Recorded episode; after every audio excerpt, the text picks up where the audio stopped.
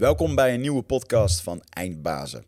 Uh, dank dat je naar ons luistert. Wellicht uh, ken je ons nog maar net, of misschien ben je al een trouwe luisteraar van de afgelopen jaren.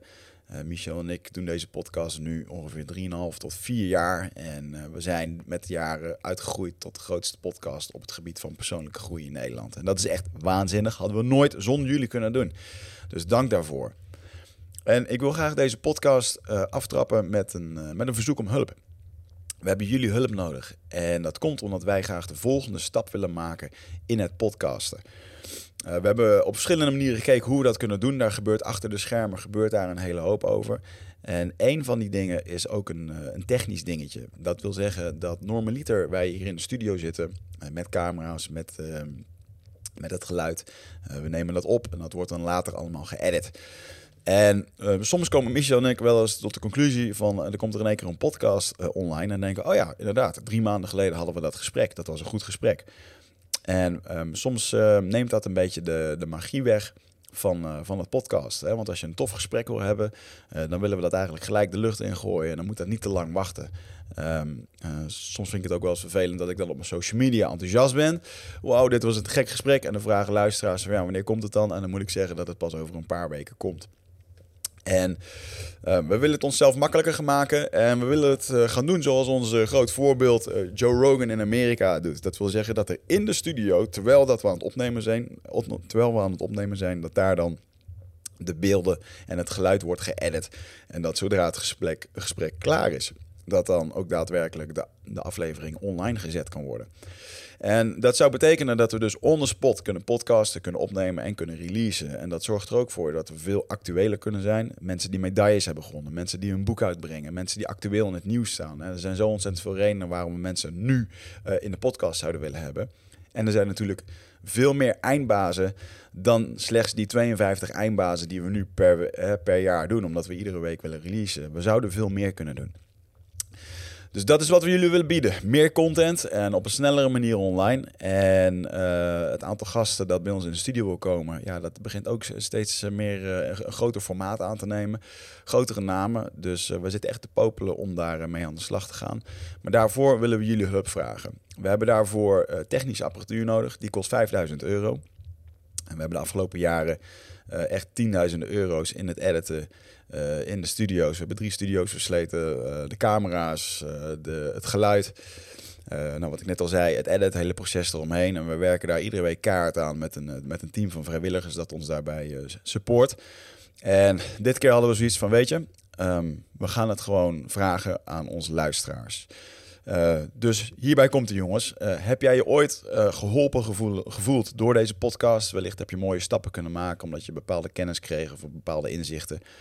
Uh, of heeft het je geholpen in, in moeilijkere periodes? En, uh, ja, om, om, om alles tot een succes te maken. Misschien je relatie, misschien je werk, misschien je privé. Als het je heeft geholpen op een manier en je zou ons iets willen teruggeven, ja, dan zouden we dat heel erg waarderen als je dat wilt doen via eindbazen.nl. Op de voorpagina staat een kop. Daar kan je naar onze crowdfunding pagina. Um, en je, mag een donatie achterlaten naar keuze. We hebben verschillende pakketten gemaakt. Je mag een donatie van een euro doen, van een tientje, van 50 euro. Uh, je krijgt een chocoladereep, een handgeschreven brief. Je kan in de studio komen met je vrienden uh, om een podcast te komen te bekijken op het moment als wij die aan het opnemen zijn. Of uh, je kan er zelfs eentje opnemen met ons. En dan kan je die zelf verspreiden op je eigen kanalen. Of als je zegt, nou, um, ik, ik ga jullie helpen ik vind het tof wat jullie doen. Ik betaal in één keer dat bedrag. Dan, uh, dan krijg je bij ons een plek uh, in, uh, in de eindbasisstudio. En dan releasen we die uitzending ook, omdat je dan voor ons echt wel een, een eindbaas bent. Um, nou goed, kijk eventjes op eindbazen.nl. Daar kan je de crowdfunding link vinden. nogmaals, wij hadden dit nooit zonder jullie kunnen doen. Um, en we zouden het echt onwijs waarderen ja, als jullie hulp... Um, als je je ooit geholpen voelt door de podcast en je wil wat terug doen voor ons dan is, het, dan is dit het moment om dat te doen. En uh, dan kan ik echt niet wachten totdat we hier aan de slag kunnen gaan met die nieuwe apparatuur. Uh, en nog gavere, betere uitzendingen maken dan dat we al hebben gedaan. Dankjewel. Eindbazen wordt gesponsord door Nutrofit. De webshop voor natuurlijke voedingssupplementen en trainingsmaterialen die je helpen bij het verkrijgen van Total Human Optimization. Nutrofit is hofleverancier van merken zoals Onnit, Natural Stacks en Bulletproof Coffee. Probeer onze producten zonder risico door onze money back guarantee. Bezoek ons op www.nutrifit.nl. Bestel je voor 9 uur 's avonds, dan zorgen wij dat jouw bestelling de volgende dag geleverd wordt. Het, eh, het leukste interview. Hm. Mensen vragen ook wel eens wie vind je de grootste eindbaas? En dan zeg ik altijd mijn moeder. en die is nog nooit in de studio geweest. Maar meer, heb je ooit iemand in de studio gehad wa- waar je nooit van had verwacht dat, je, dat die er had gekomen? Mm, nee, dat niet. Waar ik wel ehm, echt van onder de indruk was, was Arthur Brands, Oké, kunstdetectieve. oké. Kunstdetectief. Oh ja, die ken, Ja. ik, ken ik, ja. Nou, als je een verhalenverteller wil Ja. hebben, dan eh, Ja. moet je hem maar eens een keertje contacten. Hij is echt iemand die op zoek gaat naar eh verloren kunststukken en zo, Ja. hè? Ja, bizar. Hoe dat, hoe dat hij dan met, eh, met de KGB en oude neonazies dingen aan het terughalen is. En undercover Ja. zichzelf voordoen als een of andere textilische oliemagnaat en dat soort hebben. Ik heb hem een keer bij de Wereldrijd doorgezien en ik vond het echt bizar. Dat, ik, kom, ik, ik- dat is een, echt zo'n beroep waar je niet van kan bedenken dat het bestaat. Ja, Maar hij was daar ook nog eens een keer eh, high level in, zeg maar. zeker, ja. Hij wist het altijd te vinden. Wat hij dan ook zei was, eh, ja, ik, eh, ehm, ik word gebeld door criminelen, door de politie en door miljonairs. Ja. En eh, ja, dat vond ik echt een... Ja, want hij had ook een bepaald kunststuk had hij op een gegeven moment teruggevonden. En to- toen was hij getipt ook door een crimineel uiteindelijk. Die heeft gezegd van, joh, ik heb hem, ik heb hem staan. Of zoiets dergelijks. Ik weet het exact verhaal niet meer. Maar... En hij, zat, hij, was, hij kwam helemaal best wel zenuwachtig, kwam hij de studio binnen ook. En, eh, of tenminste heel opgejaagd eigenlijk een beetje. En dat hij ook later zei van, ja jongens, sorry dat ik zo ben, maar ik word straks opgehaald door een auto. En achter in die auto ligt een, eh, ja, een stuk, kan ik nog niet te veel over vertellen. Maar dat, dat komt dan vanavond waarschijnlijk uit. En dat bleek uiteindelijk een, eh, ik geloof, een, een Picasso van 30 miljoen eh, Ah. te zijn. Die, ik dacht, die, die rijdt hier dus gewoon af en toe gewoon voorbij dit kantoor schijnbaar. Maar wat een leven is dat dan, hè? Dat is spannend, toch? Ja, zeker, ja. ja. En, Maar dat hij dan ook dat hij dan toch nog wel, dat hij weet dat hij dan zo meteen zo'n kunst, dat hij toch nog hier gaat zitten om een interview te doen. Ja, nou, hij weet- was hier al dan wel maanden mee bezig. Hè? Want Ja, ja. hij wordt dan vaak anoniem gecontact. En eh, ja, dat is best wel een... eh, ik denk dat het wel een hele... ehm, Het klinkt als een hele sexy wereld. Nou, een Ja. beetje filmachtig, weet je wel. Ja. Ja, Dus dat vond ik een hele mooie verhalenverteller. Ehm persoonlijk wat ik ook echt wel een... eh eh, wow, er zijn zo, ja, eh, Jan Terlouw. Ja. Omdat we ook bij hem thuis mochten komen. Ja, ja, ja, En, eh, ja. gewoon het... Hele sympathieke, lieve... Ja, wat die man, waar die Oprechte bekend op man. staat, dat is die ook gewoon. Ja. En eh, er zijn, ehm, wat je toch vaak ziet, is dat als mensen hier gaan zitten, dan de eerste 15 minuten, dan, dan komen ze op een. eh, dan gaan ze een beetje in de verkoopmodus. Van Ja, shit, ja, ik moet mezelf even neerzetten. Maar naarmate de twee uur vordert, en dat is ook het geluk van dit format, dan kun je twee uur lang de diepte in, dan worden mensen steeds ontspanner. Maar Ja. Sommige mensen die zijn gewoon vanaf seconde één, klap, die zijn gewoon, en die blijven zo. Ja, ja. Eh, Toon Gerbrands, Oh, ja. PSV-directeur ook. En, en dan, dan zit je gewoon tegenover iemand, ja, die is geloof ik al in de 60. Maar die hoeven ook niks meer te verkopen, om het zo maar te zeggen. Nee, hè? nee. Het, zal hem ook dat- echt, dat maakt hem ook echt geen Nee, fuck uit. nee, die hebben het financieel niet nodig. Die hebben het eh, levenservaring-wise niet nodig. Hij weigert ook om naar de studio te komen. Oh ja? Omdat hij dat gewoon... eh, hij zegt, ja, dat kost me gewoon tijd. En dan... Ja. ja, dan, dan moet ik hier mijn dingen doen. Moet ik dingen afzeggen. Dus dat ga ik gewoon niet doen. Eh, dus dat vond ik wel een hele Jullie, interessante. jullie zijn naar hem toe gegaan. Wij zijn naar Oh, ja. PSV. Neem je het hele handeltje mee en dan... eh, ja, wat natuurlijk ook geweldig is, want dan kom je een keer in het PSV-stadion. tuurlijk, ja. en daar komt allemaal, eh, weet je, ja, dus dat is, was heel gaaf. En ehm, Maar luistert zo'n man dan ook naar die podcasten? ja, sterker nog, hij heeft ons vernoemd in zijn boek. Oh, wat grappig. hè? Omdat hij daarin sprak over eh, dat je drie maanden vooruit moet werken. En dat wij dat toch wel eh, bijzonder vonden. Zeker Michel is wel echt van ge- getting things done en Mhm. productiviteit. En eh, hij heeft zelfs in zijn boek beschreven dat hij, naar aanleiding van die podcast, eh, gehuurd is door een groep managers. Van ja, eh, hoe doe je dat dan in hemelsnaam? Oh ja. En dat mocht hij daar komen uitleggen. En daar heeft hij ons wel voor benoemd in zijn boek. Ja. Dus dat is wel, ja. En ehm, eh, ik denk ook wel een... ehm, eh, generaal, Sw- of kolonel Swillens was dat destijds. Die was van de commandotroepen. Ja. Dus nu hoofd AIVD. En als je zo'n man hoort praten, dan... ja, het is gewoon leiderschap op en top. Ja. Ja, en ook in een wereld begeven. Wat, wij hebben ook een aantal mensen, ook zoals Jo Goderij, die hebben ook jarenlang echt aan de top gestaan van Defensie. Ja. Eh, Dick Berlijn. En dat zijn toch mensen, als je daarmee praat, dan, dan heb je gewoon het idee dat er nog een ander soort wereld is of zo. Ja. Waar, waar, zij in, waar zij in leven en gewerkt hebben altijd. Dat staat zo ver af van hoe mijn leven eruit ziet. Ja. En die vertellen verhalen dat je, en die komen in kringen. Dat je echt denkt van, oh ja, dat, die kant heb je ook nog van, eh, van het leven. Ja, zeker. En eh, Dick Berlijn is hier ook geweest. En dat vond ik ook, ook zo'n typisch voorbeeld van... die kan je gewoon bijna niet betrappen op, op een ondoordacht antwoord. Ja, klopt. Ja. Of, of, of ontzettend ego gedreven. Ja, dat lijkt toch allemaal... Te, die, kunnen, ja, die, die hebben een helikoptervisie of zo, weet je wel. Ja. Misschien is het dan politiek praten, maar dat had ik ook niet echt het gevoel. Nee. Al denk ik wel dat Dick vanuit zijn functie altijd politiek correct mocht zijn. En, Mhm. en ook daar wel echt wel een voorbeeld in moest zijn. Maar als je dan, ja, dat hij ook echt wel gewoon met humor eh, Ja. eh, kon- ja, kon vertellen over hoe dat dan ging bij die militairen. En, eh, Maar ja, is dat toch, nog- toch een stukje authenticiteit of zo? ja, die ze gevonden hebben bij zichzelf? Ja. Ja, toch? 100%. En ja, een ander voorbeeld, Helena van Engelen, die, die gewoon op de 51ste met, misschien zelfs op de 59ste zelfs. Nee, dat zeg ik het verkeerd. Ik denk met de 51ste. Dat hij gewoon dacht van ja, ik ga gewoon naar Peru. Ik ga daar straatkinderen helpen. Ja. En die is gewoon met de koffer zonder geld erheen gegaan. En, die, en nu 20 jaar later heeft ze daar gewoon een paar scholen en eh, honderden kinderen geholpen. Knap, hè? En, Ja. en is dan ook nog beroofd door ouders van die kinderen, omdat ze weten dat geld is. En echt, weet je, en, eh, Ja. of bijvoorbeeld Paul de Blot, ook al zo'n type, 95 jaar, eh, business spiritualiteit leraar op Nijenrode. Ik geloof drie oorlogskampen heeft hij meegemaakt. Ja. Dat die mensen daar zo uitrollen en dat ze dan, eh, dan heb je gewoon, dan zit je gewoon tegenover iemand die gewoon een bepaalde energie om zich Ja. heen heeft die bijzonder is. Dus dat. eh, ja, dat is het een beetje hetzelfde als met, met die Dick Berlijn en zo. Is dat, dat, dat, dat zijn mensen die in een ander soort wereld leven. Ja. Ik denk dat dat ook de meest interessante verhalen zijn. Hetzelfde wa- wat jij hebt meegemaakt natuurlijk eh, door bij indianenstammen te leven. Maar ook bijvoorbeeld een José Woldering die eh, bij de top van de wereld-dj's zich begeeft. Ja. Die, die alleen maar omgaat met mensen die honderden miljoenen op een rekening hebben. En Ja. hoe leven die dan? Ja, het is een totale andere, ja. eh, andere, andere wereld. En dat is natuurlijk super interessant om daar eens een kijkje in, eh, in te nemen. ja, zeker. Ja, het is een, er zijn veel mensen met mooie, mooie verhalen. Alleen als je bijvoorbeeld bij in de wereld daardoor met 10 minuten kom je vaak niet tot die, tot die kern, weet je wel.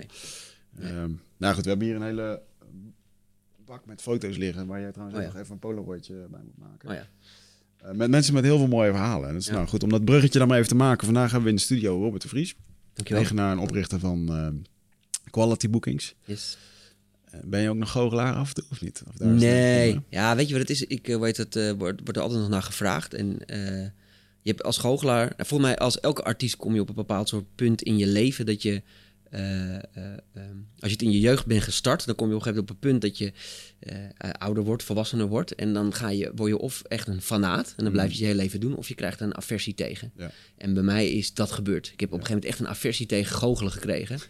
En ehm, je kan mij niet ongelukkiger maken dan mij vragen, doe eens een truc. Oh ja. Of om me een truc te laten zien, want ik heb daar echt zo'n hekel aan. Dat ging, dat ging vanochtend doorheen. Ik denk, zou die nog steeds Ik denk, ik kunnen, begin dan? er maar gelijk die, doe je dat ook nog steeds op feestjes, weet je wel? Heel af en toe als eh, ik dronken ben, dan, wil ik, dan word ik nog wel verleid om me iets te laten zien. Hilarisch. Maar ik, ik, ik, vind het, ik moet wel eerlijk zeggen dat ik dat wel jammer vind. Want het is altijd wel een enorme passie van me geweest. Ik heb nog nooit ergens zo'n passie voor gehad als voor het goochelen. Ehm, en ik vind het wel eens jammer dat ik dat niet meer kan terugvinden in, eh, eh, in, in het goochelen. Ja, ja. Nou goed, vandaag de dag ben je, eh, je bent eigenlijk de, de, de manager en organisator voor een hele hoop sprekers. Ja. Mensen met bijzondere verhalen. Die zijn van de top ehm, eh, sprekersbureaus in, in Nederland. Dat is ook de reden hoe wij elkaar hebben gevonden.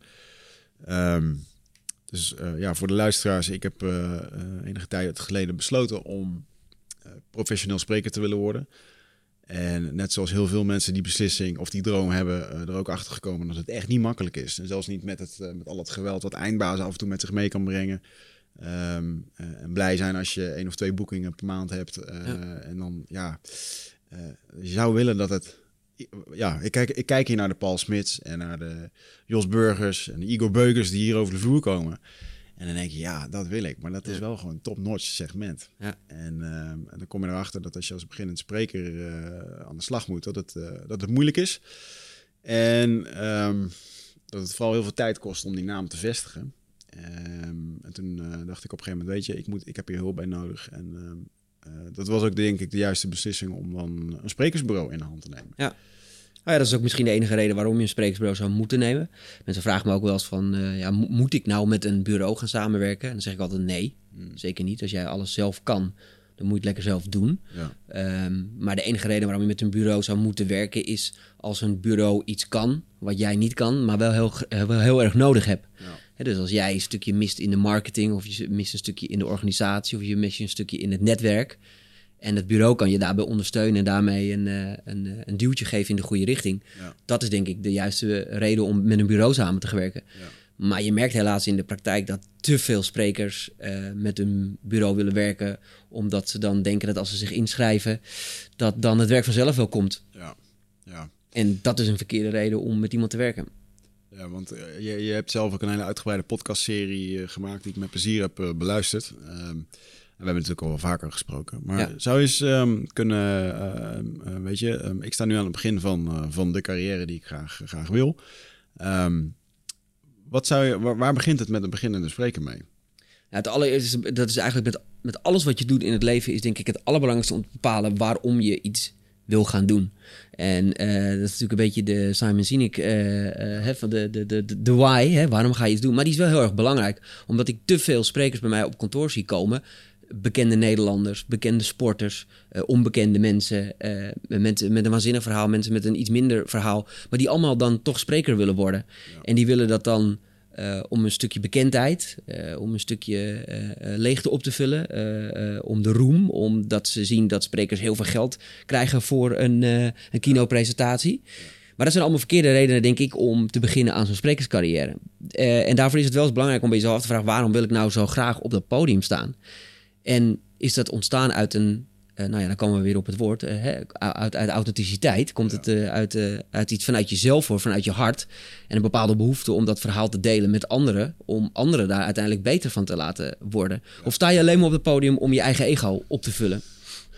Ja, ehm, ik denk wel heel eerlijk dat eh, het is, het, je moet er wel van houden om op het podium te staan. Want het geeft ook wel een kick. En, eh, Tuurlijk. eh, ik denk ook wel dat het... ja, je zei het straks al, je managt inderdaad ook een hoop ego's. Want het, Ja. het wil graag op een podium staan. Ja. Ehm, Maar maar kijk, het eh, ego eh, is, is, is, is ook helemaal niks mis mee. Ik denk dat ego een van de belangrijkste dingen is als mens sowieso. Omdat een ego je vaak wel een schop onder je kont geeft om iets te gaan doen.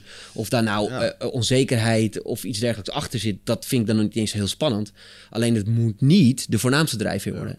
En dat merk je ook nog wel eens bij artiesten. En dat merk je ook bij sprekers. Bij alle podiumkunsten merk je nog wel eens dat er...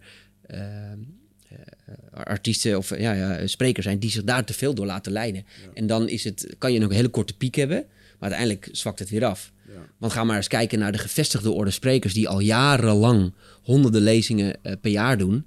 Daar kan je allemaal van zeggen dat ze het doen om een authentieke reden. Ja. Eh, en uiteraard nog een hele hoop andere redenen die erbij komen. Eh, maar het moet wel starten vanuit die authenticiteit. ja, ja, ja. Maar dat moet alles, want ik bedoel uiteindelijk, dat weet jij ook, als je een bedrijf wil starten, dan, dan, dan is geld of het hebben van succes zelden een hele goede drijfveer. Ja, dat heb ik aan de lijve mogen ondervinden. Nou ja, en, eh, ja, ja, zeker. Ik bedoel, eh, ik, ik ben wel echt een keertje... in Mijn vorige bedrijf ben ik gewoon gestart om veel geld te verdienen. Ja. Punt. En, en hoe is dat afgelopen? Ja, niet goed. Want als dat dan niet lukt, dan, Ja. eh, eh, dan is het dus bij voorbaat al gefaald. Nou ja, en wat blijft er dan over? Kijk, mensen zeggen ook wel eens tegen mij, ja, ik wil heel graag spreker worden. Ik zeg, maar weet je wel wat je zegt? Eh, Hoe bedoel je? Nou ja, dat is een hele lange, zware weg, Ja. kan dat zijn. Eh, want eh, nou, la- laat ik even twee eh, startpunten om als spreker te worden onderscheiden. Kijk, je kan starten vanuit succes. Er zijn een aantal mensen die bijvoorbeeld op tv bekend zijn... of al een gevestigde ondernemer zijn... en die krijgen eigenlijk organisch vragen. Of hey, kan je daar eens een keer over spreken? Eh, maar 90% van alle sprekers die starten toch vanuit niks... en willen uiteindelijk ook eh, 100 lezingen per jaar eh, verzorgen. Nou ja, dan, dan heb je wel even een weg te gaan. Dus dan moet je wel aan de bak durven te gaan en willen gaan. Maar dat zijn natuurlijk de mooie getallen die we, die we horen. Eh, eh, dat, eh, als ik een Paul Smit spreek, die dan eh, kan vertellen dat hij in mei 30 keer geboekt is. Ja. Ja, dat is, dat is de droom, weet je wel. Ja. Ehm, maar, wat is de... ehm, eh, wat is, is er een gemiddelde? Wanneer, hoeveel mensen spreken? Of, eh, of, of moet je dan toch een bepaald soort verhaal hebben? Want we hebben bijvoorbeeld mensen met reisverhalen. We hebben Ja. mensen die praten over techniek. Ja. Ehm, ik ben er bijvoorbeeld verbaasd over. Of eigenlijk enerzijds niet verbaasd over. Maar het heeft mijn ogen geopend hoeveel bijvoorbeeld... ehm, Igor Beuker, Richard van Hooijdonk... Mhm. hoeveel vragen er daarna is naar dat soort eh, Ja, maar zo-. Maar die kan ik wel heel makkelijk voor je uitleggen. Eh, want je moet eigenlijk eens op de stoel gaan zitten van een organisator. Ja. En wat die jongens vertellen is eh, hoe jouw markt er over 20 jaar uitziet. Ja. Nou, op welk congres zou je nou niet aan je bezoekers willen vertellen hoe hun markt er over 20 jaar uitziet? Dat wil je aan je personeel vertellen, dat wil je aan je relaties vertellen, dat wil je aan iedereen die je uitnodigt, wil je dat vertellen. Of ze gelijk hebben, eh, nou ja, dat, dat, dat, dat, dat weet je niet altijd. Maar terwijl het is hele lekkere materie Ja. om voor te schotelen aan je bezoeker. Want kom naar ons congres en wij vertellen hoe jouw markt er straks uitziet. Daardoor is die markt zo enorm groot. Want dat kan je, en wat die jongens ook heel slim doen, is dat ze lezingen maken in verschillende sectoren. Hè. Eh, ze hebben een lezing over innovaties in het onderwijs, over de toekomst van eh, de retail, over de toekomst van eh, de landbouw. En daardoor zijn ze heel goed inzetbaar in heel veel verschillende markten. Ja, ja, ja, ja, ja. En daardoor lopen die volumes zo enorm op. Ja. Omdat het overal toepasbaar is. Maar ik wil, wil daar los van, kan ik bijna in elk vakgebied, in elk thema, wel een spreker noemen die, nou ja, laten we even 100 dan zeggen, 100 keer per jaar optreedt. Het is niet zo aan thema of branche gerelateerd. Alleen je merkt wel, ik zat toevallig van de week, heb ik een keer op LinkedIn spreker ingetoetst en dan eens gekeken hoeveel eh, mensen er spreker in hun eh, functieomschrijving hebben staan. En toen kwam ook wel 177.000 sprekers in Nederland. Wauw. 177.000, dat is extreem veel. En toch zijn er maar een handjevol, durf ik te zeggen, Ja. sprekers die echt dat soort volumes draaien. Ja, dat is me wel bijgebleven van Igor Beuker, die dat wel terecht zei. Dat hij zei, ik kom veel mensen die zeggen, ik ben spreker. Maar er zijn weinig mensen die fulltime spreker zijn. Ja. En, eh, dus als je spreker bent, dan... eh, eh, en ik, ja... Ik denk dat ik daar zelf ook schuldig aan was toen ik dat sprekers... Toen ik die vibe had van, ja, ik wil dat doen. En dan, dan verander je LinkedIn en dan ga je dat doen. En je moet jezelf toch op een gegeven moment neer gaan zetten.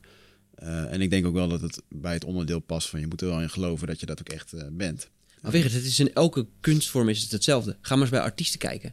Ja. 90% van alle artiesten snabbelt. En 10% wordt er echt succesvol mee. Ja. En trekt volle zalen en treedt 150 keer per jaar op op alle festivals. Ja. Kijk maar eens in de DJ-wereld.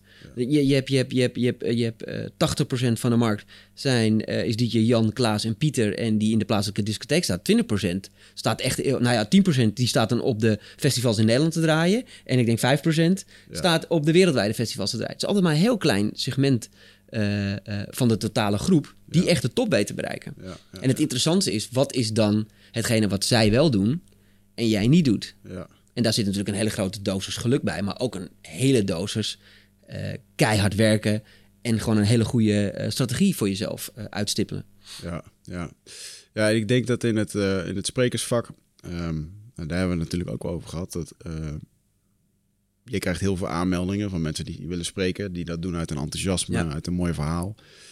Ehm, ik denk ook dat verhalen, ja, dat verbindt, dat is gaaf. Mensen willen dat ook eh, zien en dat inspireert. Ehm, eh, maar wat je ook al zei, dat er heel veel mensen zijn die denken, ik word even spreker. Ja. En dat zei Remco Klaas hier ook echt. Het is wel gewoon echt een vak. Want die ontspanning die je bijvoorbeeld bij Jan van Zetten ziet of bij Remco Klaassen eh, op dat podium. Eh, en ze vinden het leuk, ze vinden het grappig. Het gaat allemaal vanzelf. Dan denk je, wauw, die gast staat gewoon op het podium. Ja. Houdt een lekker verhaal, stuurt de rekening, gaat naar huis. Maar Ja. dat is het gewoon echt Nou ja, maar dat is wat, de, wat, wat iedereen ziet aan de voorkant. En dat is wat iedereen ook sexy vindt. Alleen naast het feit dat natuurlijk eh, eh, de podiumkunst spreken al een vak apart is. Dus daar moet je natuurlijk enorme slagen in, in maken als spreker. Maar daarnaast hebben die jongens ook al een heel uitgedacht, heel slim marketingplan. Het is niet voor niets dat zo'n Jos Burgers om de twee jaar weer een boekje uitbrengt. Ja. En ja, weet je, eh, daar, daar zitten gewoon bepaalde... Het is niet voor niets dat Ben Tichelaar in bijna elke krant in Nederland een vaste column heeft. Het is niet voor niets dat Ben Tichelaar eh, elk interviewverzoek die hij eh, krijgt eh, aanneemt. Het is niet voor niets, weet je, da- daar zit gewoon een, daar zit gewoon een, een, een gedachte achter. Ja. En wat die jongens doen, en dat is een van de belangrijkste dingen als spreker, is claim een thema. De grootste fout van de meeste sprekers is om te zeggen: ik kan eigenlijk over elk onderwerp wel spreken. Want mijn verhaal schaart aan innovatie, mijn verhaal scha- schaart aan duurzaamheid.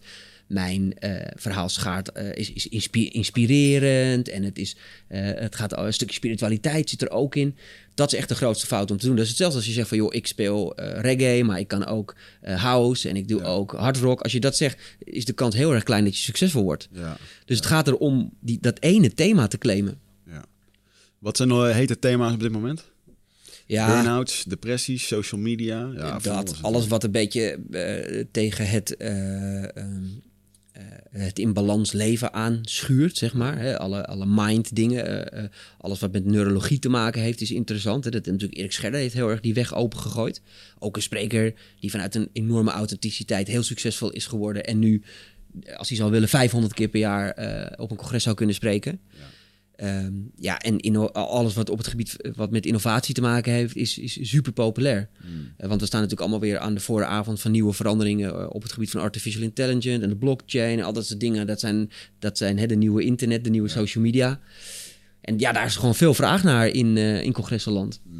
Maar ook duurzaamheid is natuurlijk nog steeds een heel eh, eh, populair onderwerp. Ja, ja want het is, eh, het is wel eh, wat jij toen vertelde over hoeveel... Of dat je zelf af en toe ook niet kon geloven hoeveel congressen dat er eigenlijk gehouden worden per jaar. Dus dat die, die sprekersmarkt, die Ja. is gigantisch. Dat is het leuke, ja. En ehm, eh, dat gewoon, ja, er, zijn, er worden gewoon honderden, misschien wel duizenden boekers, oh, sorry, duizenden sprekers per week worden gewoon geboekt. Ja, joh, dat, kijk, kijk, kijk, loop eens een, een, een willekeurig Van de Valk hotel binnen. Ja. Dan zie je soms wel dat er gewoon in een van de Valk hotel al 10 of 20 seminars aan de gang zijn. Hè, Dat zie je dan altijd op, op, dat, op dat, dat schermpje staan. Dan zie je nou, ABN AMRO, Rabobank, die, die. En dan moet je je voorstellen dat we in Nederland 20.000 van dat soort evenementenlocaties hebben. Van klein tot groot. Ongelooflijk. Ja. Dat, dat is een enorm aantal aan evenementen wat er, eh, wat er dagelijks plaatsvindt. Natuurlijk is er een heel groot aantal die geen sprekers hebben, eh, waarvan de directeur de hele dag op het podium staat. Helaas moeten er nog heel wat eh, congressen opgevoed worden over hoe, maak, hoe, hoe breng je nou echte inspiratie. Ja. Eh, maar de markt is, is waanzinnig groot. Ik bedoel, wij hebben maar een heel klein stukje van de markt. En, en, en wij hebben al eh, over, de, over de duizenden boekingen per jaar. Nou ja, dat hebben de andere bureaus ook. En er zijn ook een hele hoop sprekers die hun eigen management verzorgen. Dus uiteindelijk is die, is die, is die vijver heel groot. Ja. Ja, want neem, neem ons eens mee. Neem de beginnende sprekers eens mee in, het, in de wereld van sprekersbureaus. En, Ja. Eh, eh, hoe, hoe zit het in elkaar?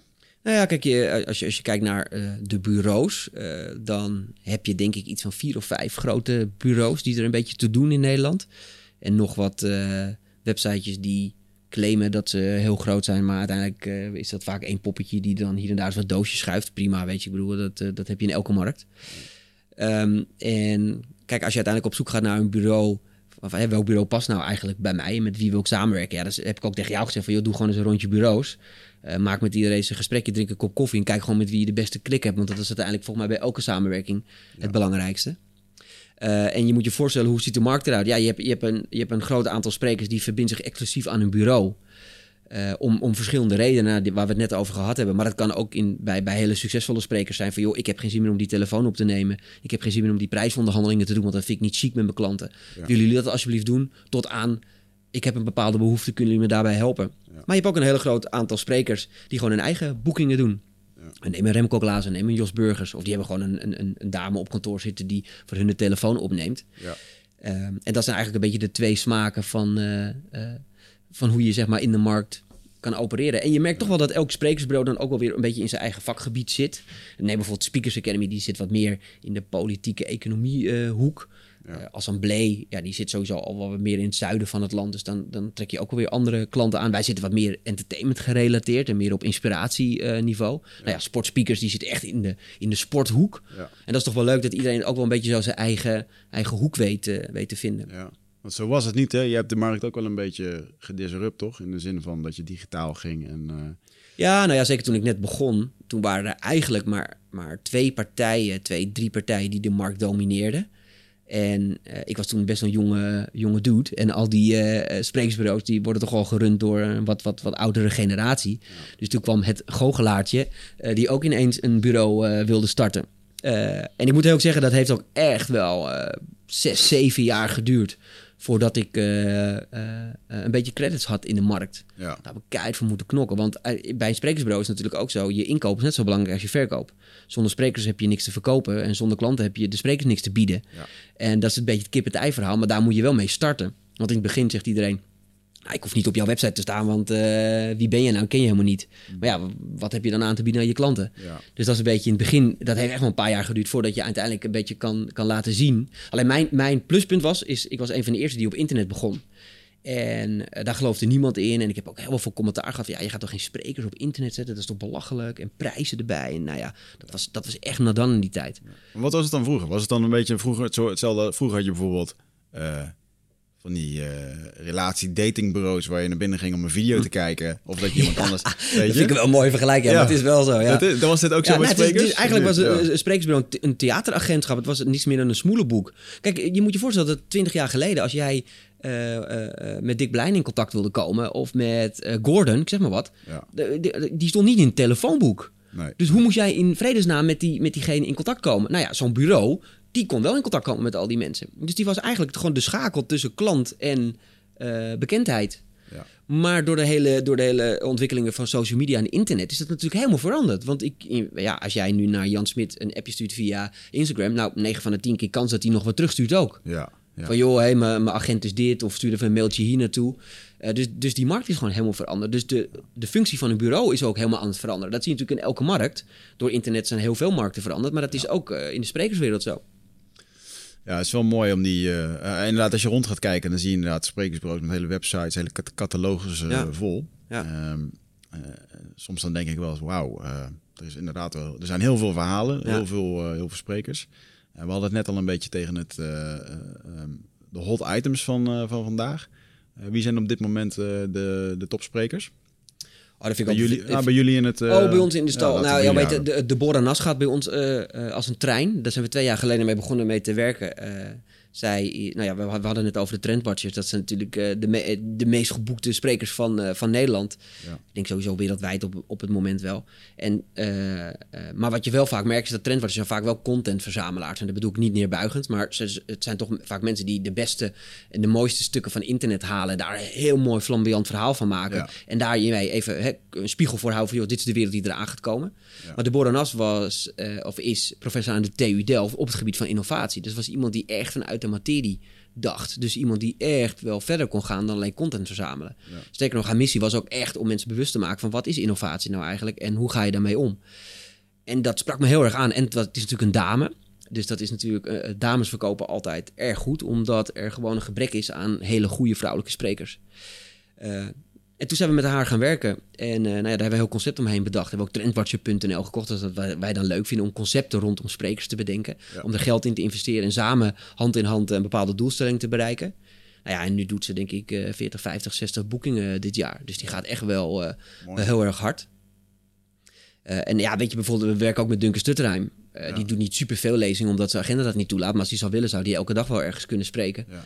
Dat zijn wel, nou ja, net, net, waar we het net over hadden. Eh, je bent, bedrijven zijn ook op zoek naar sprekers die in werelden verkeren waar zij niet in opereren. Ja. En een bank die de hele dag eh, eh, met zijn nulletjes en eentjes zit te werken, vindt het heel erg leuk om van zijn Duncan te horen hoe hij Sensation uit de grond heeft Ja, gestampt. dat is geweldig. Hoe die Mysteryland heeft opgetuigd. Ja, die staat nog in de top 5. Duncan, als je dit ziet. Ehm, want ik ben hem ooit een keertje, heb ik hem bijna overhoop gelopen in, in een restaurant. Wat, wat zijn vrouw Lieska op dat moment runde. Oké. eh, Leidseplein. Ja.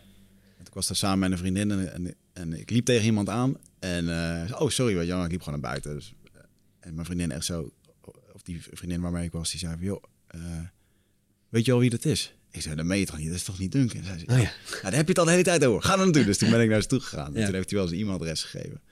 En toen was het, ja, ik kom langs wanneer mijn boek uit is van die en Oh ja. die. En, en, later, eh, eh, ik geloof dat er nu door onze gastenboeken wel contact is geweest. Maar Ja. Duncan moet hier maar eens een keertje komen, twee jaar lang. Ja, dat wil, volgens mij vind je dat hartstikke leuk om te doen. Hoor. Ja, met Duncan merk je gewoon ook... de- de- op, op zo iemand komt zoveel af. Ja, Dat merk je ook na een lezing. Als, eh, eh, het, hij vindt het vaak heel lastig om na een lezing ook nog heel lang te blijven hangen. En ik snap ook wel waarom. Omdat iedereen in de zaal wil hem iets pitchen. ja. Iedereen. Ja, dat is vervelend, dat snap ik ook wel. En vermoeiend. Maar je kan die tijd ook niet geven. Nee, En, eh, maar ja, het is wel, hij is gewoon zo'n icoon ja, in voor eh, velen. voor, voor mij ook hoor. Ik bedoel, eh, ik, ik vond het echt een onwijze eer dat hij toen met ons wilde, wilde Ja. samenwerken. Want hij is voor mij ook altijd een van... Nou ja, in mijn jeugd, ik bedoel, ik heb Identity altijd op de voet gevolgd. Zeker, ja. Elke stap die ze zette. En het was, hij was natuurlijk altijd wel de, de kopstuk van... eh, ik had vroeger ook van die Thunderdoom-blaadjes waar ik op geabonneerd was. oh ja, En- zeker. of identity zeker. Maar Ben je blaadjes. ook naar die feesten geweest, of niet? Ja, nou niet eh, de hardcore, eh, de echte hardcore. Mm. En, nee, toen zat ik echt op de middelbare school. Toen was ik dan nog wel wat jong voor. En mijn moeder liet me daar ook niet heen gaan.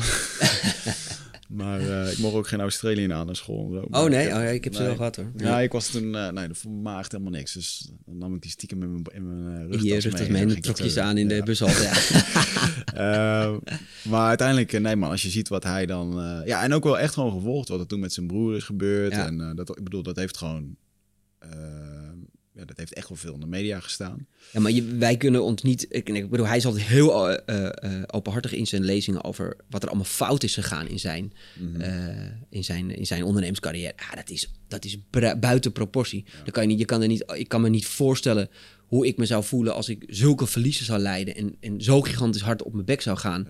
En dat je daarna weer bovenop moet, eh, moet krabbelen. En dan uiteindelijk succesvol weten te af te ronden en je bedrijf gewoon voor 100 miljoen weet te verkopen. Ja, dat, dat vind ik, dat, dat, is, dat is het mooiste verhaal wat er is. Ja, en ik weet nog wel dat ik hem echt heel lang heb gevolgd. Dat, ehm, dat er ook vaak werd gezegd van ja, maar hij heeft gewoon een lening van zijn pa gehad. En die pa Ja. was rijk. Maar dan denk ik, ja, dat kan wel. Maar die pa was ook rijk vanwege een reden. Die snapte dat spelletje. Ja, Ehm, en die, daar komt ook verantwoording bij kijken. En eh, onlangs hadden we hier Ronald Kaan in de studio van Mhm. Coolcat. En een van mijn meest brandende vragen was van, joh, hoe ga je ermee om als je 17 miljoen verlies hebt? Ja. Weet je, wel? ik lig al wakker van, eh, van een paar, facturen. Ja, ja, ja. En da- dan is Nou ja, het toch dat. gewoon eh, heel, die, heel die mindset over geld en over ondernemen. En, eh, en dat Duncan met zijn eerste AD&T even de schoonmaakkosten niet had meegerekend of zo. Dat dat er nog Mhm. even langskwam. Ja, dat is gewoon... Ja, dat is goud. En, en, en het is, ik vind het ook altijd wel een beetje flauw om te zeggen van ja, en natuurlijk eh, heeft, heeft, heeft het geld van zijn pa hem geholpen. Maar ik ken ook heel veel jongens die met heel veel geld van hun vader bedrijfjes mochten oprichten en uiteindelijk hartstikke geflopt ja, zijn. zeker. En wa- wa- wat maakt het uit? Je moet Het ook weten wat je ermee wel- moet doen. Nou, het lijkt af en toe wel alsof we het allemaal eh, hard-earned moeten hebben. Maar soms heb je gewoon het geluk dat, dat iemand misschien een erfenis krijgt. Of Ja. dat iemand... Nou, wees blij dat zijn vader hem kon helpen. Ik Moet kijken wat het moois dat hij er allemaal mee heeft gedaan. Nou ja, precies dat. En hoe mooi is het. Ik, ik werk zelf met mijn vader. Eh, er is niks moois. eh, het is geen mooier cadeautje om elke dag met je vader te mogen werken. Ja. Eh, en mijn vader heeft dan niet eh 300 miljoen op zijn rekening staan. Eh, maar dat maakt het niet minder mooi. Maar als hij, de- als hij dat wel had gehad, had hij me ook wel wat gegeven, hoop ik. Toch, eh, pa? Eh, maar en, en wat ik ook wel mooi vind is dat down to earth. eh, is een stuk authenticiteit. Want ik Ja. denk dat eh, hij is wel heel erg in de media, maar ik denk dat een hele hoop mensen ook echt helemaal niet veel van hem weten. Nee. Ehm, eh, maar de keren dat ik hem zie, dan denk ik ja. eh, je ziet wel gewoon een gast die gewoon lekker authentiek is en gewoon eh, helemaal geen patser of wat dan ook. Nee, dat nee, vind ik wel nee, echt eh. Ja, die periodes hebben ze natuurlijk ook wel gehad. eh in, ja, in er de zit een hele flamboyante levensstijl Ja. aan. En, en natuurlijk, dat, dat mocht er ook Ja. gewoon zijn. Maar ik kan wel, eh, ik, je ziet wel dat er gewoon bepaalde fases zijn in zijn leven die, eh, waar hij doorheen is gegaan. Ja. Eh, en dat is kicken. Als, je dat, eh, ja, als hij dat nu wil delen. En, eh, natuurlijk met de nieuwe projecten die hij doet. Ja. Hij doet waanzinnige dingen. Dus, eh, eh. Ja, onwaarschijnlijk. En dat je dan toch nog weer naar zijn verkoop van zo'n bedrijf dan toch weer verder gaat en dan eventjes de ademtoren aanschaft en dan eventjes het... eh, eh, En als je dat dan ook hoort, ik, zeg, maar dan vraag ik ook altijd, hoe heb je dat dan gedaan? En dan dat hij dan ook zegt van, eh, ik zeg, hoe gaat het dan? Bel je dan gewoon je vriendjes op van, doe je mee? Ja, Ja. zo gaat het eigenlijk. Ja. En dan, maar ja, dan haalt hij even 40, 50, 60 miljoen op. Ik zeg, maar ik noem maar even wat bedrag, ik weet exact de bedragen niet. Eh, eh, nou ja, en dan, en, dan gaan ze weer, en dan gaan ze weer verder. ja. Maar Vet ja. is dat, hè? Ja, ik vind dat eh, fa- fascinerend. Fascinerend, absoluut. Vitamine R noemde Yves uh, Geiraat dat. Vitamine relatie. Oh ja. nou ja, eh, Ja, ik bedoel, het is netwerk wel, is natuurlijk wel een van de belangrijkste dingen. We hadden het toevallig net nog over voordat we begonnen met de podcast, ook als spreker. Eh, jij zegt, ja, ik zit, eh, ik zit wat marketing eh, mensen te, te mailen. Ja, goud. Hoeveel, hoeveel, hoeveel sprekers denk je dat dat doen? Nou, eh, eh, Hmm. ik heb het nog maar weinig van sprekers gehoord. En dat is zo belangrijk om je eigen netwerk op te bouwen. Nou ja, wel. Ga eens kijken, wa- wat zijn nou de belangrijke congressen in, in jouw vakgebied? Waar zou je graag... Ik vraag het ook altijd aan sprekers. Maak eens een lijstje van congressen waar je heel graag zou willen spreken. Ja. Geef, geef die nou eens aan ons, dan gaan wij ze wel benaderen. Ja. Dat vind ik congressen hartstikke leuk, want die zijn ook altijd wel weer op zoek naar een nieuwe invalshoek. Ik, ik ken bepaalde congressen die jaarlijks terugkomen.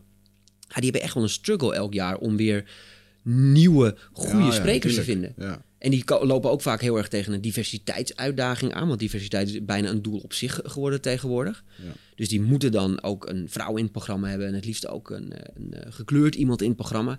Maar dat moet dan wel iemand zijn met een heel sterk programma. Of met een heel sterk verhaal. En, nou, weet je, en dan zitten wij daar samen brainstormend mee.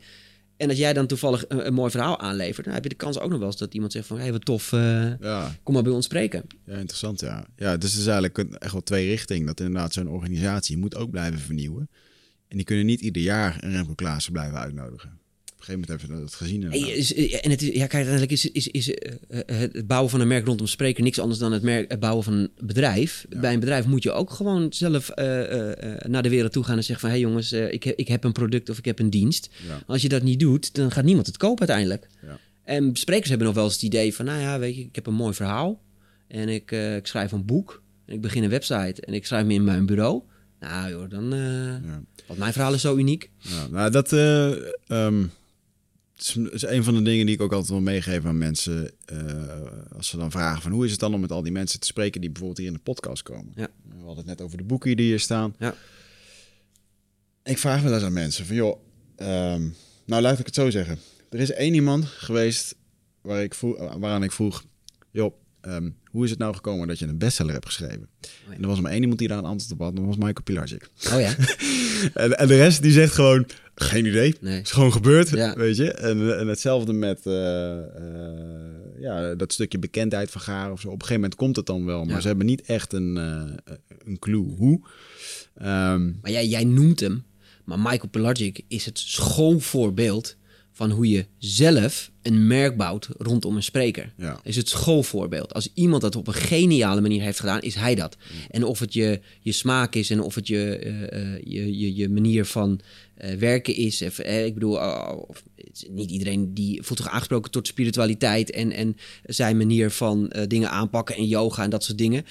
Maar de manier hoe hij zijn brand in de, merk, eh, in de markt heeft gezet rondom zichzelf, Ja. ja, is, is, is, is, is, is geniaal. ja. En, en zie je het resultaat. Ik bedoel, voor mij weet het, is, is, is een app 50.000 keer inmiddels al Ja, gedownload. is heel Zijn boeken eh, gaan 200.000 keer over. En allemaal in eigen beheer. Hè? Ja. Beste sprekers, als jullie kijken, breng je boek uit in eigen beheer. Want iedereen eh, meldt zich maar aan bij zijn uitgever en gaat zitten wachten tot er wat gebeurt. En sommigen lukt het. En die hebben een mazzeltje. En die Ja. kunnen het dan ook niet uitleggen. Maar joh, hij, hij verdient gewoon eh, serieus geld daarmee. Zijn zalen zitten ram en ram vol. Ja, ja dan, om, het is dat wel mooi om dat een beetje in perspectief te brengen, bij mensen. Ik geloof dat als je 500 boeken hebt verkocht, dan kom je al in een managementboek.nl top eh, nog Precies. wat. Ja.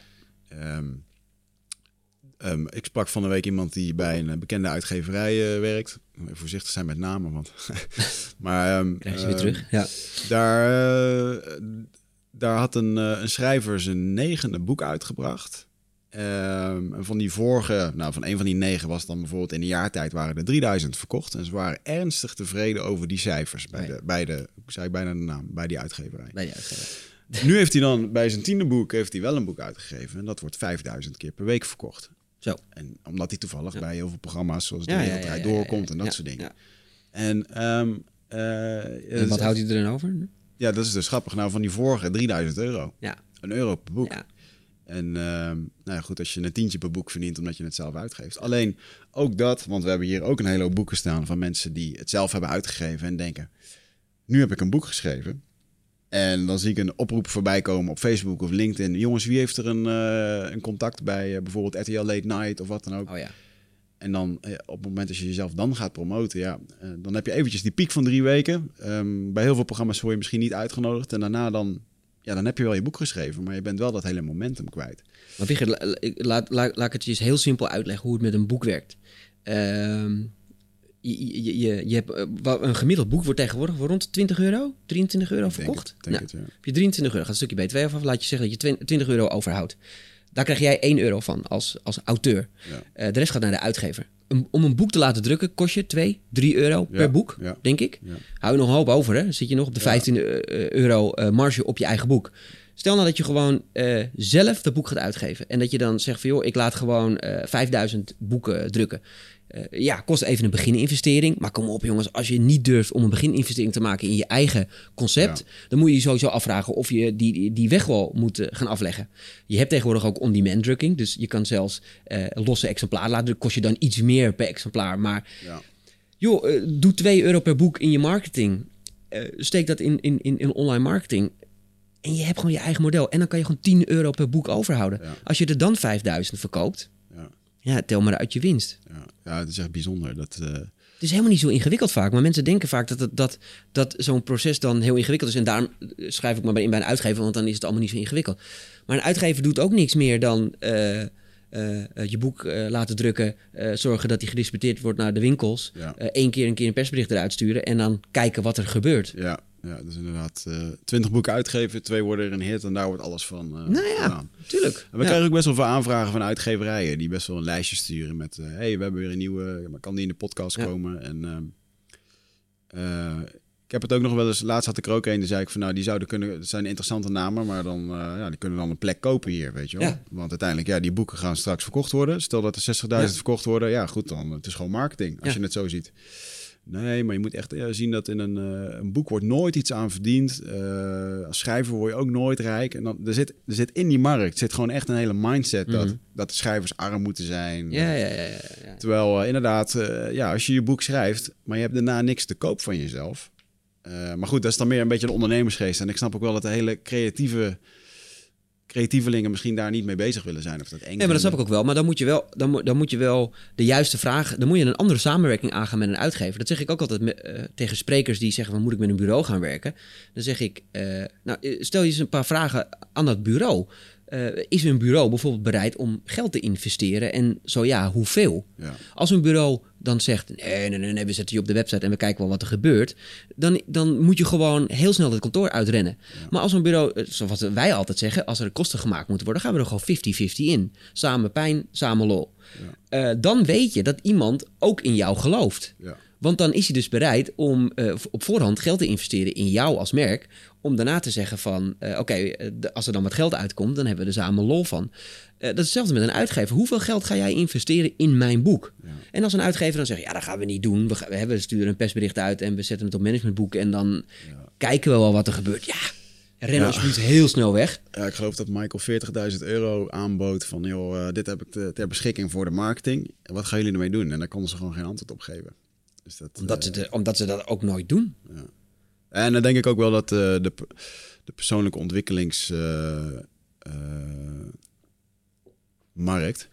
die, ja, die boeken die zie je wel liggen bij Schiphol, zeg maar. Eh, maar echt hier bij de Bruna in Os, waar ik vandaan kom en zo, eh, ja, dat zijn meer op de romans en de dingetjes. En, eh, het is ook wel een lastig onderwerp hoor. Gewoon Maar wanneer heb jij voor het laatst een boek gekocht in de boekenwinkel? ik, alleen op Schiphol. Ja. Eigenlijk. Ja. Of ehm, eh, onlangs ging ik dan eventjes voor inspiratie. Ik ben nu mijn eigen boekenkast aan het organiseren. Dus ik heb een mooie Peruaanse tekenaar die het helemaal gaat tekenen. Ja. Eh, toen ben ik in Amerika naar een... eh, ik was in San Diego. Toen was ik daar naar een, een boekenwinkel gegaan. En toen vroeg ik van wat zijn nou... ehm, is er een beetje een lijn te vinden in goede kaften van de best verkochte boeken? Oh ja. Is daar, zit daar een soort eh, psychologie achter? Ja, nou, toen kwamen ze toch wel, nou, de, de blauwe kaften doen het toch wel heel erg goed. En, eh, nou ja, uiteindelijk eh, is dat ook een slechte raadgever om Ja. daar naar te luisteren. Je moet uiteindelijk iets doen wat, wat erbij past. Ehm, maar het is wel, ja. Het zit hem ook in, in een bepaalde... Nou, la- laat, ik laat ik nog eens een andere vraag stellen. Hoeveel advertenties op social media zie je van festivals voorbij komen? Veel, hè? veel. Maar hoeveel, Ja, adver- ja. maar hoeveel advertenties zie je op social media van boeken voorbij komen? Ja, te weinig. Terwijl- Michael Pilacic. Ja, precies. Ja, ja. Maar, maar die verkoopt er ook heel veel. En, en, ik, en, en ik, snap nooit zo goed dat dan... eh, eh, nou ja, zo moet je dus ook naar je eigen boeken en naar je eigen lezingen gaan kijken. En ook die piek erin. Want ik heb wel echt een, eh, voor mijzelf, als het boek uit is, dan ga ik de komende twee, drie jaar ga ik daar zeker aan spenderen. Ja. Omdat dat is gewoon eventjes de missie. Alleen je kunt ook een boek uitgeven, drie weken op die, op die piek eventjes. En daarna heb je je boek uitgegeven en dan is het stil. Maar nee, dit boek is over tien jaar, heeft het nog steeds waarde. Weet je wel? Ik bedoel, kijk naar eh, ehm, oude boeken zoals Think and Grow Rich, die al misschien wel 100 jaar zijn bijna. Ehm, blijft altijd waardevol. Ja. Nou ja, kijk, en, en de gouden regel is ook nog wel steeds. Voor mij heeft Jos Burgers dat ooit tegen mij gezegd. Eh, Robert, zei hij. boeken verkopen lezingen, lezingen verkopen boeken. Ja. En wat bedoelt hij daarmee? Vanuit, eh, als iemand je boek leest, eh, een marketingdirecteur, en die vindt je verhaal interessant, boekt hij voor een lezing. Maar als hij voor een lezing boekt, dan zegt hij ook, oh weet je wat, doe er ook even 250 boeken bij voor alle bezoekers. Ja. En vanuit die boeken, die dan weer aan die 250 bezoekers wordt geleverd, komt ook weer een marketingteur die denkt: hé, hey, ik wil je weer boeken en neem ook even boeken mee. En zo kom je in die visueuze cirkel terecht. Dat is ook de reden waarom Jos Burgers om de twee jaar een nieuw boekje, zegt hij zelf altijd, een boekje, want hij schrijft altijd hele dunne kleine boekjes, Ja. uitbrengt. Ja, ja, slim. Is dat ook een advies wat eh, meegenomen wordt in het eh, sprekersvak? Moet iedereen een boek schrijven? Nee, nee, zeker niet. Alleen je moet wel een eh, medium kiezen om je, om je eh, expertise te claimen. Dus er moet, je moet ergens, of je dat nou met een podcast doet, of je dat nou met een boek doet, of je dat met een eh, eh, YouTube-kanaal doet, of je dat met een Instagram-account doet, of je doet het met eh, columns in eh, vakbladen, of je doet het allemaal. Maar je moet iets een keer gaan doen om die expertise te claimen. Kijk, het is heel simpel. Hoe heet dat? Ehm, eh, als het over leiderschap gaat, wil iedereen Ben Tichelaar hebben. Ja. Als het over verkoop en marketing gaat, wil iedereen Jos Burgers hebben. Als het over een neurologische aspect hebt, wil iedereen Erik Scherder hebben. Dat is wat je uiteindelijk wil hebben. Je moet Ja. dat als ze een bepaald thema gaan behandelen op een congres, dat ze dan denken, dan moet je Wichert hebben. Ja, Want die, die is de expert op dat vakgebied. ja. En, en, en, en dat is wat je als spreker moet gaan creëren. Ja, en dat is dan een beetje een, eh, dat is wel een lastige. eh, ik vertel het wel eens tegen ondernemers. Van als je nou naar de bol.com van de wereld zou gaan, waar alles te koop is. Ja. Van planten tot de stoelen, tot, eh, tot sprekers, tot ondernemers. Ja. Maar welke categorie kan men jou dan vinden? Ja. En dat is lastig te definiëren voor veel. eh, Maar van absoluut belang bij je succes. ja, ja. En natuurlijk heb ik er zelf ook over na zitten denken. In de zin van, ja, wat doe je dan? Ja, dan praat ik over persoonlijk leiderschap. eh, met wilde indianenverhalen. Ja. Dat is de, daar, daar staat niemand in dat categorietje, weet je wel. Ehm, maar goed, er zit wel een hele... ehm, hoe lang heeft het gemiddeld nodig voor een spreker om... eh, Ja, ja, dat, dat, dat, is Tractie te heel, krijgen. ja, dat is heel wisselend. Kijk, het is ook wel... eh, weet je, zoals bij Deborah Nas merken we dan... dan gaat het ineens heel snel. Eh, dat is een heel hot item. Ze, eh, ze is een vrouw. Eh, we hebben, hoe heet dat... ehm, eh, er een goed marketingplan omheen bedacht. We hebben er beide geld in gestoken. Eh, eh, en we doen er ook alle twee.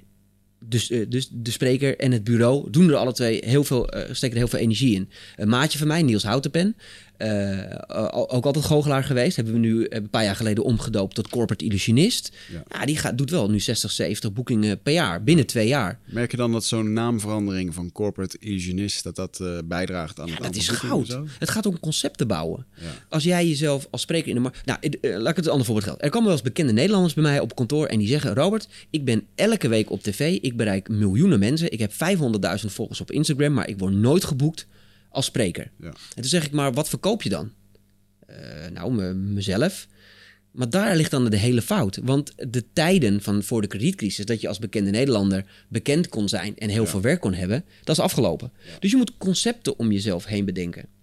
Waardoor het makkelijker wordt voor mensen om te begrijpen wat je doet. Als jij te- tegen mij zegt als organisator... ik ben goochelaar en ik wil op jouw congres optreden... snap ik er helemaal niks van. Maar als je tegen mij zegt... ik ben corporate illusionist en ik heb het over persoonlijk leiderschap... en dat symboliseer ik met eh, magische effecten en illusies... dan zeg je ja als organisator... potverdorie, wat kost dat? Ja, dat is lachen. ja. Kom maar binnen. Ja, ja. Het is een andere manier van vermarkten. En je moet het voor de opdrachtgever makkelijker maken om jou te boeken. Ja. ja. En dat doe je dus door een uniek iets te creëren. Precies dat. Nou ja, en ook om door te zeggen eh, tegen een organisator bijvoorbeeld, nou ja, wat een Richard van Hooijdonk heel slim doet, en dat doen wel meerdere sprekers, is dus branchegerelateerde lezingen maken. Dus jouw lezing al op voorhand ombuigen naar verschillende markten. Ja. En waarom? Als een retailcongres is op zoek naar bepaalde sprekers en die eh, ziet op een website staan dat jij een, een keynote hebt speciaal gemaakt voor de retail, Ja. dan is de kans heel erg groot dat hij jou dan gaat boeken. Ah, ja, ja, ja, ja. Maar, En- en, raad je dat dan ook aan voor een beginspreker in de zin van... eh, Nou ja, kijk, hè? als je de content hebt wel. Ja, precies. Ja. Als jij ook daadwerkelijk een fantastisch verhaal... oh, Je moet, kijk, je, je moet er niet dan mee wegkomen oké, dan doe ik gewoon 90% van mijn standaard verhaal... en dan eh, eh, fiets ik er een paar keer retail doorheen... en dan is het Ja. wel op maat. Ja. Dan moet je er ook voor gaan zitten. ja, exact. Ja. Kijk, en, en, bijvoorbeeld Richard van Hooydonk heel slim doet... die heeft voor elke branche heeft hij ook een hele e-book gemaakt. Ja. Die, is, die zit mega op content. Die heeft een heel contentteam van volgens mij wel 40 man... die de hele dag voor hem zitten te schrijven, monteren, eh, distributeren. Ja, dat is eh, waanzinnig knap en heel slim gedaan. Maar die efforts moet je er dus wel in durven te steken... wil je dat niveau weten te behalen. Ja. En dat is, dat is ook nog wel een, een, een interessant... als ik te snel ga, moet je het zeggen hoor... we, hebben nog allemaal, we hebben nog wel uren, dus... eh, Oh, dat is mooi. Dat is mooi. Nee, maar het gaat, het gaat ook om eh, bij, om bij je startpunt voor jezelf te definiëren... wanneer is het voor mij succesvol? En dat is ook iets wat ik altijd ondernemers aanraad... is van... eh, een spreker zegt altijd tegen mij... ja, ik wil eh, een succesvol spreker worden. Ik zeg, maar wat betekent dat dan? Nou ja, dat ik heel veel eh, optredens doe. Maar hoeveel optredens zijn het dan? Ja, toch wel zeker 100 per jaar. Eh, waarom dan? Ja, omdat ik moet, ik moet toch geld verdienen. Maar hoeveel geld heb je dan nodig? Ma maak die doelstelling heel concreet en breng dat helemaal terug naar de basis. Totdat je uiteindelijk weet hoeveel geld je per jaar wil verdienen. Hoeveel lezingen je daarvoor wil doen. Want dan heb je ook een co- concrete doelstelling. Misschien kom je er dan wel achter dat je met 20 boekingen per jaar eigenlijk wel heel erg tevreden bent. ja. Of misschien kom je er dan wel achter dat je de 300 nodig hebt. Maar dan moet je wel even, dan moet je aan de bak. Dan heb je een andere strategie. ja. Want als jij erachter komt dat je met twee keer per maand tevreden bent, dan, dan, dan, hoef, dan hoef je misschien niet zoveel te doen om dat te bereiken. Ja. En dat is wel een heel belangrijk startpunt. Ja, ja, ja. Hey eindbazenluisteraar, dankjewel dat je zit te luisteren naar deze podcast. Ik onderbreek hem eventjes voor een hele belangrijke boodschap. Of misschien liever gezegd een uitnodiging. Want op 24, 25 en 26 mei dan is er weer een nieuwe editie van Ride of Passage. Dat is mijn retreat voor persoonlijke ontwikkeling. En speciaal voor de mensen die op zoek zijn naar, ja, naar, helderheid. Of dat ze lastig bij hun gevoel kunnen komen. Dat ze moeilijke beslissingen moeten maken. En dat ze zo ontzettend in hun hoofd zitten. Ja, dat ze er eigenlijk gewoon niet meer goed uitkomen. Of dat ze misschien al heel lang in een, ja, een soort van oud gevoel zitten. Dat ze dat gevoel willen transformeren. Of misschien wil je gewoon een oud stuk achter je laten. Ergens een punt achter zetten. En ja, zoek je misschien heling op iets wat, wat je te lang hebt weggeduwd of, of hebt vermeden. Ja, daarvoor wil ik je uitnodigen op 24, 25 en 26 mei om in een retreat mee te doen waar de inhoud van het programma geheim is. Waar de belofte is dat het oncomfortabel wordt. Want jij begrijpt als geen ander dat als je die volgende stap wilt maken, ja, dan zul je uit de comfortzone moeten komen. En ik garandeer je, laat mij dat proces begeleiden met jou voor drie dagen en je leven zal daarna nooit meer hetzelfde zijn. Gemiddeld beoordelen de deelnemers het met een 9,2. En daar ben ik ontzettend trots op. Er is ook een money back guarantee. Heb je de drie dagen vol, volbracht en vind je het niks, krijg je gewoon je geld terug. Dus het enige risico wat er is, is dat je gelukkiger kan worden. Ik zie je Bride of Passage. Ga naar wichertmeerman.nl en klik op Retreat. Heb ik ooit van Michael Plasje geleerd trouwens. Dankjewel. Hele goeie. Uh, het is wel een, uh, uh, want iedereen wil natuurlijk, want je hoort natuurlijk de sprekersbedragen. maar ja, ik heb ook in Jos Burgers hier horen zeggen dat hij in de eerste tijd eigenlijk alleen maar voor een fles wijn en een cadeaubon stond te praten. En ik merk dat het zelf ook wel gewoon goed werkt. Ik ben laatst een keertje met een maatje gaan eten die bij een groot consultancybedrijf werkt. Even kletsen, dan vertel ik mijn verhaal en dan uh, dan vertel je dat je bezig bent met spreken. En dan een dag later krijg je een sms van... joh, wij zitten in zo'n Rotary Club met 14 man. Ja, kan niet veel voor je doen, maar zou je willen spreken? Ja, ja fuck it, gaat gewoon doen, weet je wel. Ja. Um, nou ja, één voor de werkervaring. Hè, want des, je moet gewoon vlieguren maken op het podium. Ja. Uh, en ten tweede, je weet nooit wie er in de zaal zit. Ja. Alleen wat ik wel altijd adviseer is... stuur wel altijd de factuur achteraf. Maar maak inzichtelijk wat normaal gesproken je fee altijd is. Maar zet gewoon, ik heb dit promotioneel gedaan om die en die reden. Zodat als die mannetjes namelijk die allemaal in die Rotary zitten vragen aan die organisatie, God, wat heb je ervoor betaald? Ja, niks, was gratis. Maar als jij een factuur hebt gestuurd, dan zeggen ze, ja joh, dat kost normaal 1500 euro, maar ik, ik heb iets kunnen regelen. Ah. Want dan hebben ze wel, hebben ze wel dat fee, die fee in, hun hoofd zitten. Ja, Want anders gaan al die mannetjes jou bellen, hey joh, uh, ik heb geen gage, maar kom, kom wel even tussendoor. Ja. Dus stuur altijd de factuur, maar zet er gewoon op, joh, uh, ik heb je korting gegeven, want uh, ik gebruik dit om video-opnames te maken. Ik zeg maar wat. Dus dan hebben we er alle twee wat aan. Dus min 2500 euro, ik zeg maar wat. Kom je op nul. Maar dan heeft iemand wel het in zijn hoofd zitten, ja, die gaat vragen naar ook wel 1500 euro. Ah, slim ja. ja. ja. Mooi, grappig hoe dat het dan inderdaad gaat. Ja. Zijn er veel sprekers die, uh, um, die veel laten liggen daarin? Zijn, uh, met, als het gaat om het geld vragen en onderhandelen. Wat zijn nou de grote fouten die daarin gemaakt worden? Nou ja, dat, dat, is natuurlijk ook wel een van de voordelen van werken met een bureau... is dat je niet zelf hoeft te onderhandelen. Hmm. Uh, elke congresorganisator weet dat je bij de spreker rechtstreeks... altijd een betere fee kan behalen dan via een bureau. Ja. Omdat een spreker sneller overstag gaat. Mm -hmm. En dat is logisch, want je hebt het over jezelf. En te, uh, over jezelf zeggen, joh, maar ik ben fantastisch. Ik ga een geweldig congres van maken en ik ga het geld waard maken, is veel moeilijker dan als wij zeggen, joh, maar je moet Wigert hebben, want die is, ah, die is echt expert op dit gebied. Als je hem niet neemt, heb je echt een probleem. Dan, dan, dan schiet je echt je doel voorbij.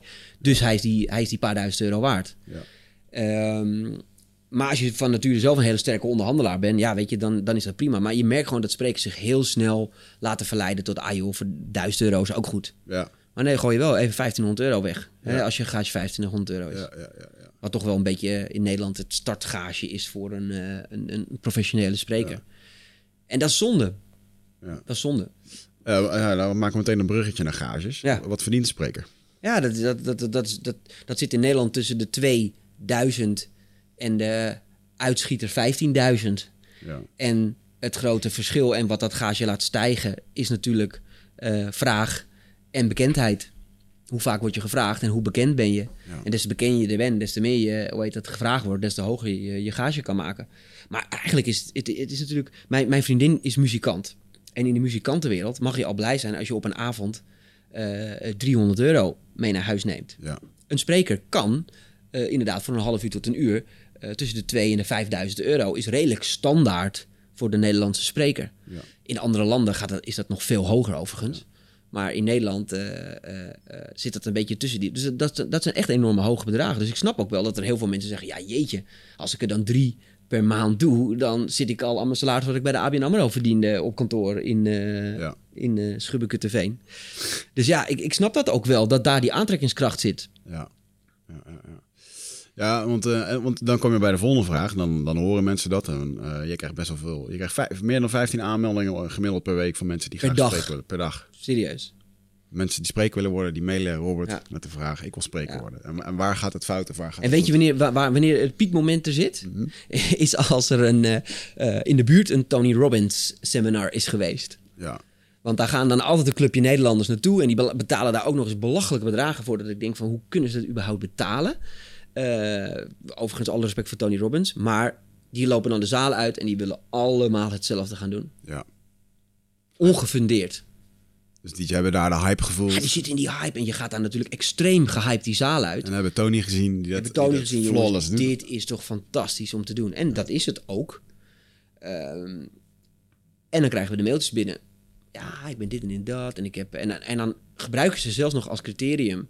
Ik heb 5000 euro betaald om naar Tony Robbins te gaan. En dat zien ze dan als een soort leergeld of zo. Of als een soort, eh, soort diploma die ze dan hebben gehad. En dat ze dan gecertificeerd spreker zijn. Ja, ja, ja. ja, Nou, die, ik, ik, ik verwijder die mailtjes. Nou ja, ik, ik beantwoord ze altijd heel netjes. Maar Mm. daar, daar, doe je, daar doe ik vrij weinig mee. Ja. En, ehm, eh, maar goed, dan kom je ook met de mensen. Het is tegenwoordig niet makkelijk, eh, het is makkelijk om een boek uit te geven. Wij krijgen ook heel veel aanvragen van mensen. wij noemen het dan best wel denigerend hier. Ik moet zelf nog mijn eigen boek schrijven. Maar mensen die een boekje hebben geschreven, Mhm. weet je wel.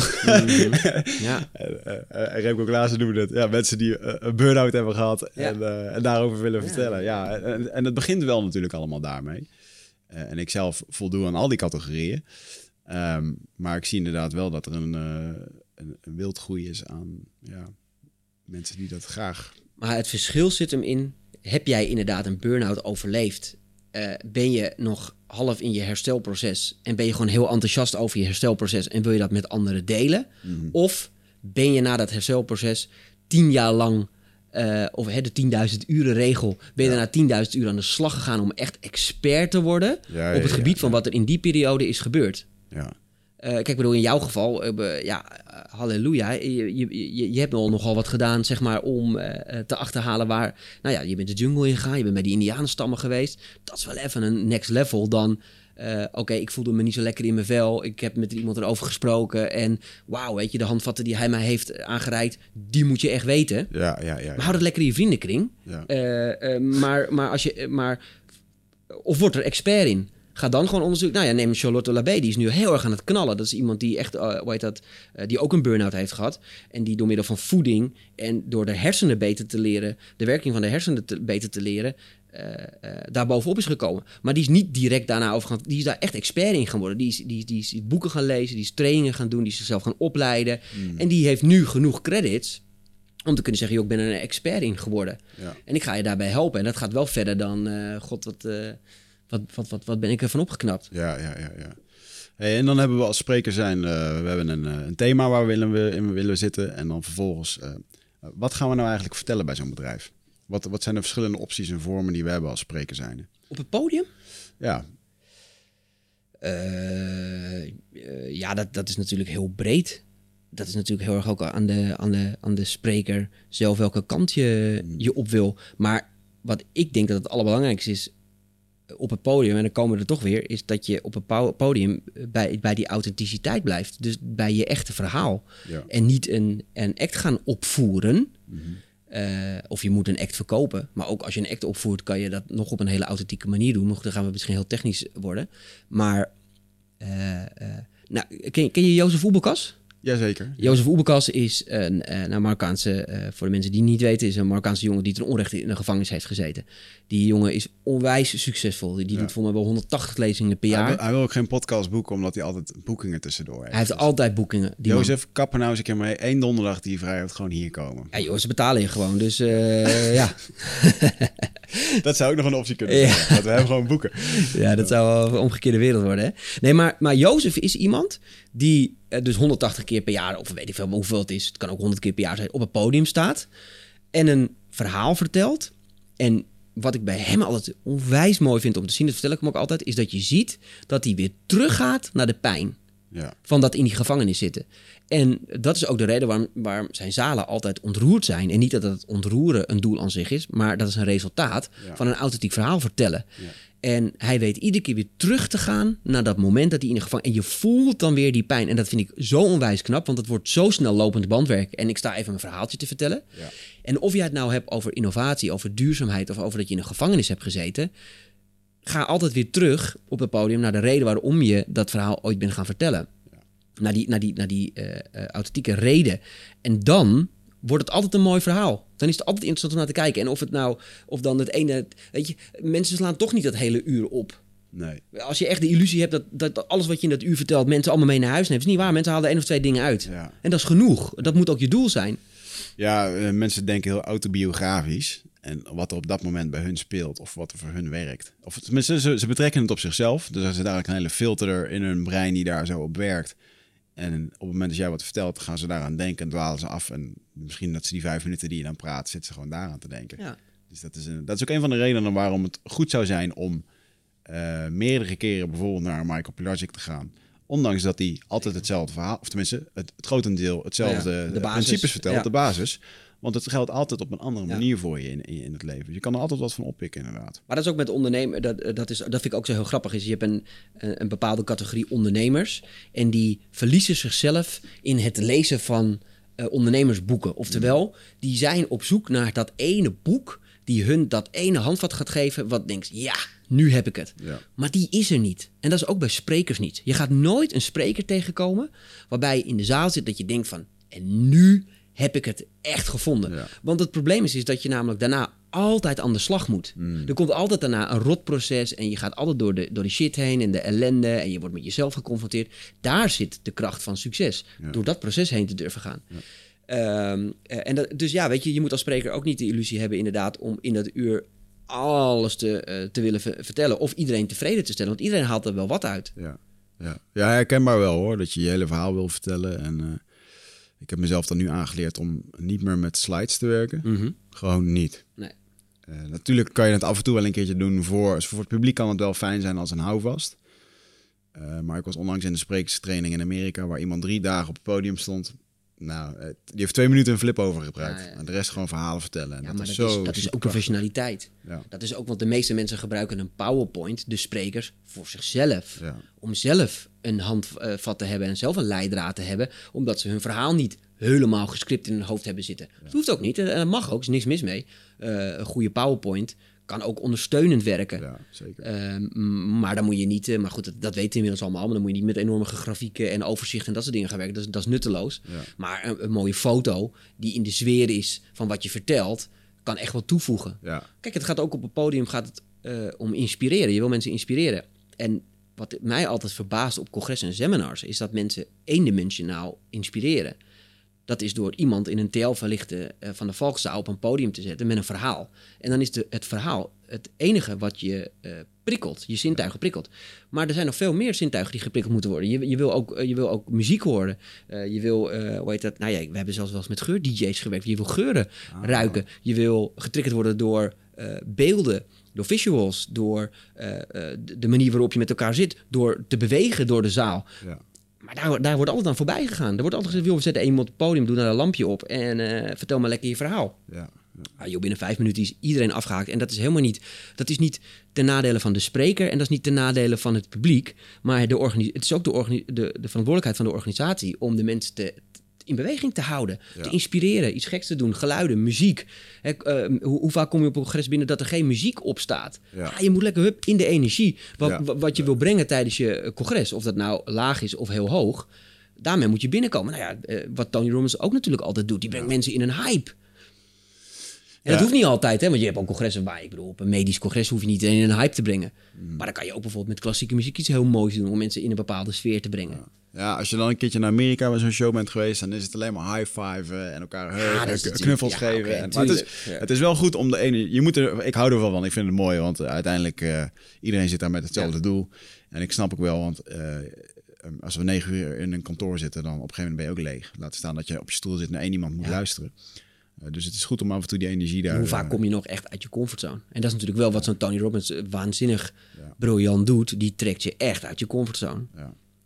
Ja. En eh, ja, het kost je wel even wat, maar dat is natuurlijk wel een unieke eh, eh, experience. Alleen moet je vooral niet denken, moet niet iedereen denken dat hij dat ook kan. Want dat is wel, jeetje man, de man is wel een, een, een bijzonder exemplaar op zich. Mij doet hij dit al 30, 40 jaar of zo. Ja. En er zit ook wel een bepaalde drijfveer bij hem achter. Ik bedoel, als je zijn verhaal een beetje kent, waar hij vandaan komt. Ja, Ja, tuurlijk wel, ja. Ik bedoel, dat, dat, dat, ja.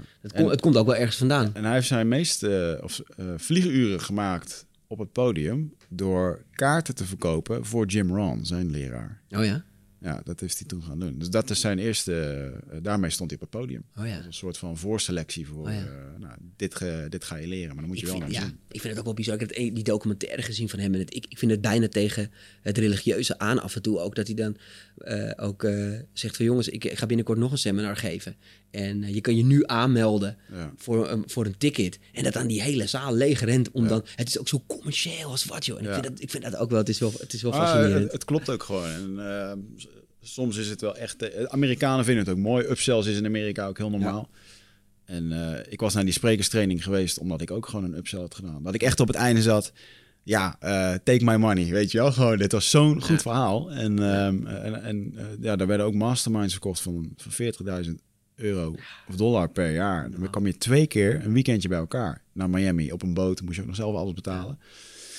En ehm, ja, er stond gewoon een rij van meer dan 40 Ja, mensen ja, op één podium. En dan waar dat die mensen het vandaan... Want dat waren allemaal mensen die zeiden... Ja, I'm struggling. eh, ik heb problemen. Ik kan, ik kan mezelf niet maar neerzetten vertel als mij nou eens waar die dan die 40, 50.000 euro vandaan Ja, dat is gewoon dus allemaal, allemaal op die. Ja, En, ik vind eh, dat toch wel bijzonder hoor. Maar, maar, voor, maar ja, ik bedoel, ja, ik vind dat, eh, ik, ik, ik snap nooit goed hoe dat werkt. Maar. En, en ik, ik heb ook wel eens een keertje gelezen dat Tony vroeger een keer heeft er best wel wat commentaar op gehad. Dat hij dan zo'n zaal had. En dat verkocht hij ook een upsell. En dat hij dan zei, oké, de mensen die, eh, die echt doorgaan, die, eh, die hebben besloten dat ze verandering willen.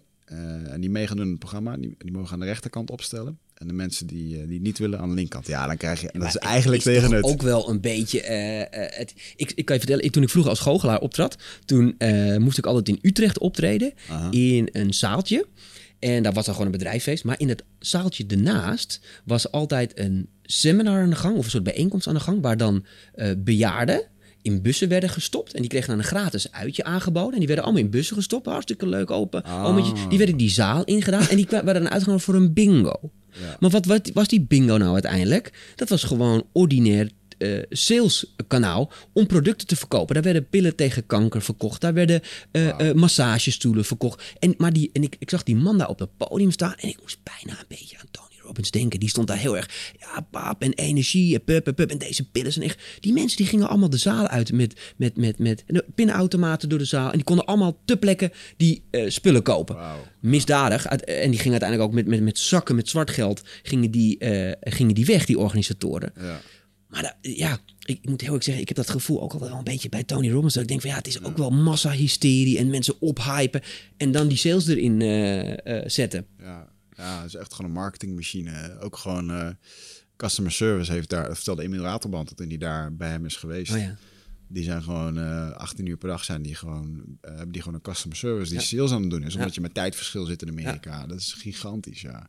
Ja, maar dat- goed, respect ja. voor wat hij doet. En Next ook, level hè, en, en onwijs knap. En uiteindelijk gaan die mensen zelf naar die pinautomaat toe. Je, je, kan, je bent als mens volwassen genoeg om ook op dat moment te zeggen... hé hey, jongen, even terug naar de basis. Dit gaan we dus niet doen, want ik heb het niet.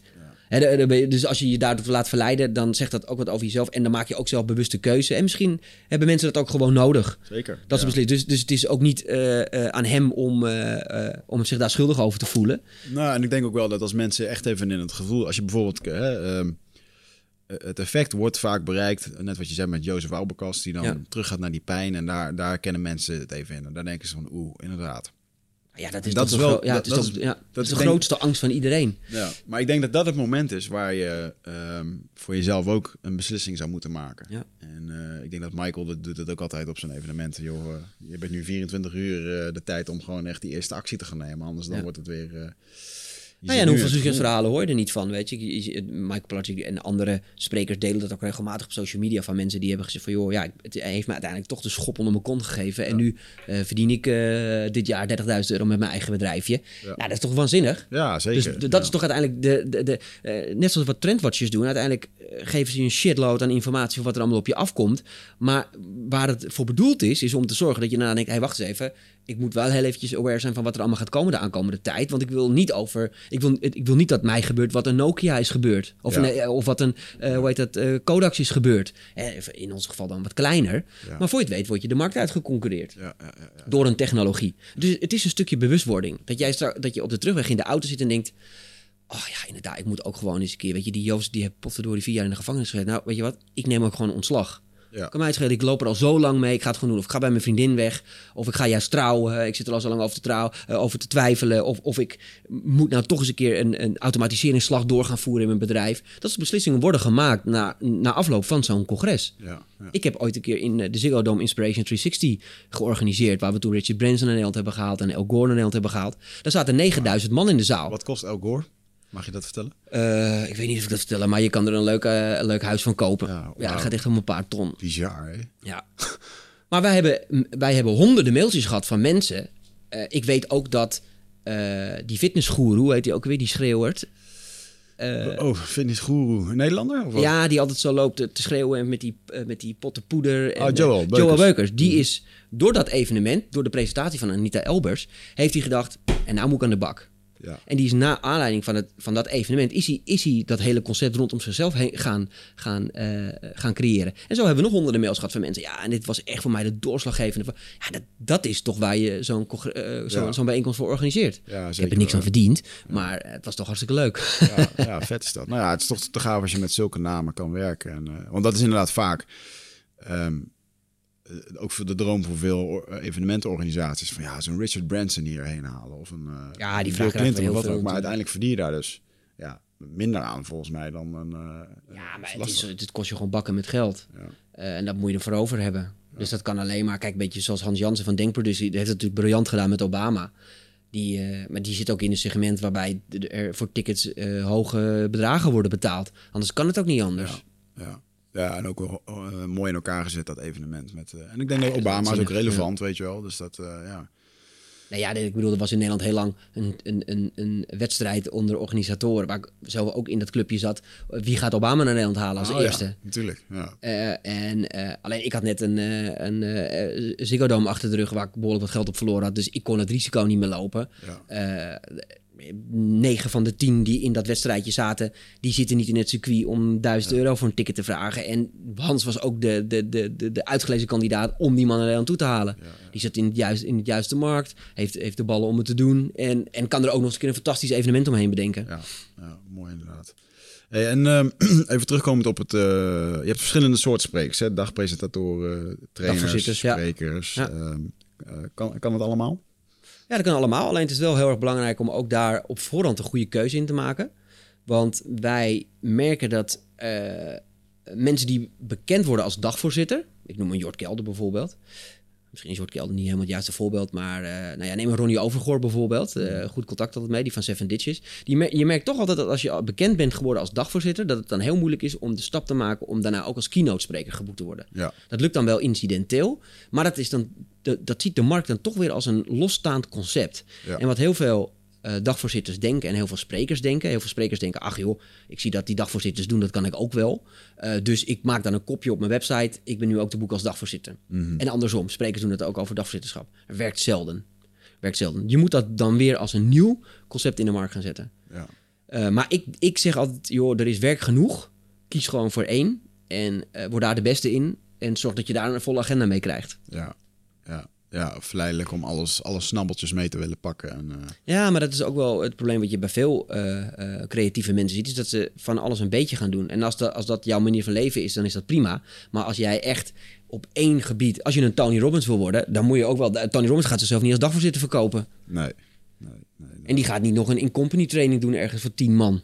Omdat dat gewoon volledig buiten zijn merk en zijn, zijn- zijn zijn doelstelling valt. Ja, wat ik wel een hele sterke vond, eh, waar ik toen met Michael Project over had. eh, die zei van ja, ik, doe het eigenlijk liever niet meer bij bedrijven spreken. Want dan sta ik voor een groep van mensen die daar moeten zitten van de baas. Ja. En ehm, eh, dat is zeker anders. Ik heb ook altijd kaarten voor mezelf verkocht. En op een gegeven moment mocht ik elders spreken. Ehm, en toen had ik inderdaad ook reviews die ik nog nooit had gehad, Ja, ja, weet je wel. ja. Enerzijds de hele positieve, maar anderzijds ook mensen die... eh, ja, nee, ja, het was een moedje, weet je wel. Ja. Ehm, en jij hebt me dat toen ook wel verteld. Dat zijn wel echt twee verschillende markten waar je dan in... eh, Dat is ook een keuze die je aan het begin moet gaan maken. Is, eh, ga je je richten op de, de particuliere markt, dus ik zeg maar even de Michael markt, of ga je je richten op de zakelijke markt, de Ben Tichelaar en de, hoe heet dat, eh, eh, Mark Lammers eh, markt. Hè, ga je inderdaad als spreker voor corporates optreden, of ga je de particulieren inspireren? Dat vergt namelijk twee totaal verschillende aanpakken. Ja. En twee verschillende. eh, En ook inderdaad, inderdaad po- eh, spreken op zo'n podium voor ondernemers en voor mensen die er eigenlijk niet om gevraagd hebben, is ook fucking lastig. Ja, Maar ja, dat is een bepaald vakgebied en dat moet je leren. ja. En, en, en, en, dat is ook gewoon te doen, zeg maar. Alleen het, is een keuze. Ja, ga je, sta je liever voor volle zalen van mensen die een kaartje voor jou gekocht hebben, waar je dus al eh, tien punten voor staat. Of eh, vind je het leuk om voor een zaal te staan en die binnen vijf minuten voor je te winnen? ja. Ja, het, het is, het is een. Ja, een kunst ook hoor. Ja. Maar goed, het is, het is ook een andere manier van hoe ga je marketing insteken. Ik bedoel, wat Michael Pelagic doet, of wat een Kelly Wekers doet, eh, dat soort type sprekers die dus voor gaan om, om, een, om, een, om een particuliere doelgroep aan te spreken. Ja, dat is ook wel, dat is wel even next level marketing, zeg maar. Mhm. Eh, dat is niet een paar organisatoren bellen van, joh, wil je mij... eh, ik wil deze kant helemaal niet nou, te niet doen, want het is niet zo. Maar het is, het is, het is wel even next level. ja. Nou ja, zeker in de zin van, je moet een publiek opbouwen. En Ja, ja, dat. heeft vertrouwen, vertrouwen en tijd nodig. En in de sprekerswereld kan het ook heel snel gaan. Ik, ik vertelde jou dat net ook. Er zijn een aantal congressen in Nederland. Neem de Week van de Ondernemer, neem Exact Live. Er zijn een aantal eh, grote partijen. Als je daar weet te komen spreken, die kunnen voor een enorme vliegwiel zorgen. Want als jij duizend ondernemers in de zaal hebt zitten... eh, en die hebben jouw verhaal gehoord en je verhaal is top... ja joh, dan, dan, komen er altijd weer boekingen uit. Ja. En zo krijg je dat, kun je dat sneeuwbal-effect eh, creëren. Wie is jouw favoriete spreker? Mijn favoriete spreker? Ja. Poeh, eh, Russell Brand. Die uit Engeland? Ja. Die, eh, oh ja? Ja, die gekke comedian. Ja. Die eh, eh, is natuurlijk verslaafd geweest aan die heroïne. Ja. Zelf in de meest extreme vorm tegen de deuren aangelopen in het leven. Eh, op poging om zelfmoord te plegen. En die is uiteindelijk helemaal de spirituele kant op gegaan. Ja. En die maakt nu ook heel veel content op social media. Ja. Eh, en dat vind ik briljant omschreven. Ja. Dat is een woordenkunstenaar. Ja, hij is echt een diep filosofisch... eh, En die kan hele simpele eh, menselijke aspecten briljant omschrijven en ontleden. Ja. Eh, gisteren had hij toevallig een filmpje over hoe, hoe relaties in elkaar zitten tussen mensen. Hoe heet dat? Romantische relaties. Ja, jongen, hoe hij dat dan omschrijft en, en, en waarom je. En, en wat nou de, essentie ervan is en waarom wij dat allemaal willen. Weet hij zo briljant te omschrijven. Wie, ik ook, wie ik overigens ook briljant is, Jim Carrey. Ja. Eh, je moet maar eens op, YouTube, heel veel mensen weten die, maar Jim Carrey is een briljante spreker over spiritualiteit, over de wet van de aantrekkingskracht. een hele zeker. goede vriend ook van, eh ik wou Oprah, zeggen hè? Enzo Knol, maar het is... ik, Enzo? hoe- nou- ja, toch? nou ja, dat soort type sprekers inderdaad. En Deepak Chopra, dat soort types. Ja, eh, Ah. Dat vind ik briljante sprekers. Maar ook in Nederland, een Jozef vind ik heel erg fan van. Wij boeken Jozef best wel regelmatig, omdat zijn verhaal gewoon... Ja, het is gewoon mooi om te zien dat iemand altijd weer op dat podium dat teweeg weet te brengen. Het is echt, weet je wel. Ja, het is een echt verhaal. Het is niet een... Ja. eh, eh, ja. Maar ook een Richard van Hooijdonk. Ik bedoel, als je die op het podium ziet staan, ja, het is een flambiante man die wel even in een uur iedereen op scherp zet, weet je. Die blaas je wel van het podium af. Ja. Maar ook een Remco Klaassen, ja, dat is natuurlijk een- meester in, in hoe gebruik je het podium, hoe bespeel je het publiek. Ja. Ja, we hebben in Nederland fantastische sprekers net op zich. Ben Tichelaar, ja, potverdorie, hé. Was hij nou niet gestopt? Of was hij gewoon gestopt met NBA in een Ja, dat dag, NBA in eh, één dag is volgens mij gestopt, ja. Ja. Maar hij is zelf niet, eh, niet gestopt, volgens mij. Ja, ja, dat is inderdaad. Mijn alle, ik geloof een van mijn eerste boekjes, dat Durven, Denken, Dromen, Oh, ja. Doen of zo. Dat Ja. is een boekje wat ik van hem lees, las. Ja. een van de eerste persoonlijke leiderschaps. Ja. eh, Maar dat is ook wat heel veel sprekers zeggen. Ja, ik wil zo'n NBA in één dag. Ja, dat snap ik. Want dat ik klinkt heel makkelijk. Als je het rekensommetje maakt en er zitten duizend man in de zaal, dus twee dagen en iedereen betaalt eh, duizend euro, is de rekensom snel gemaakt. Tuurlijk, dat willen we allemaal.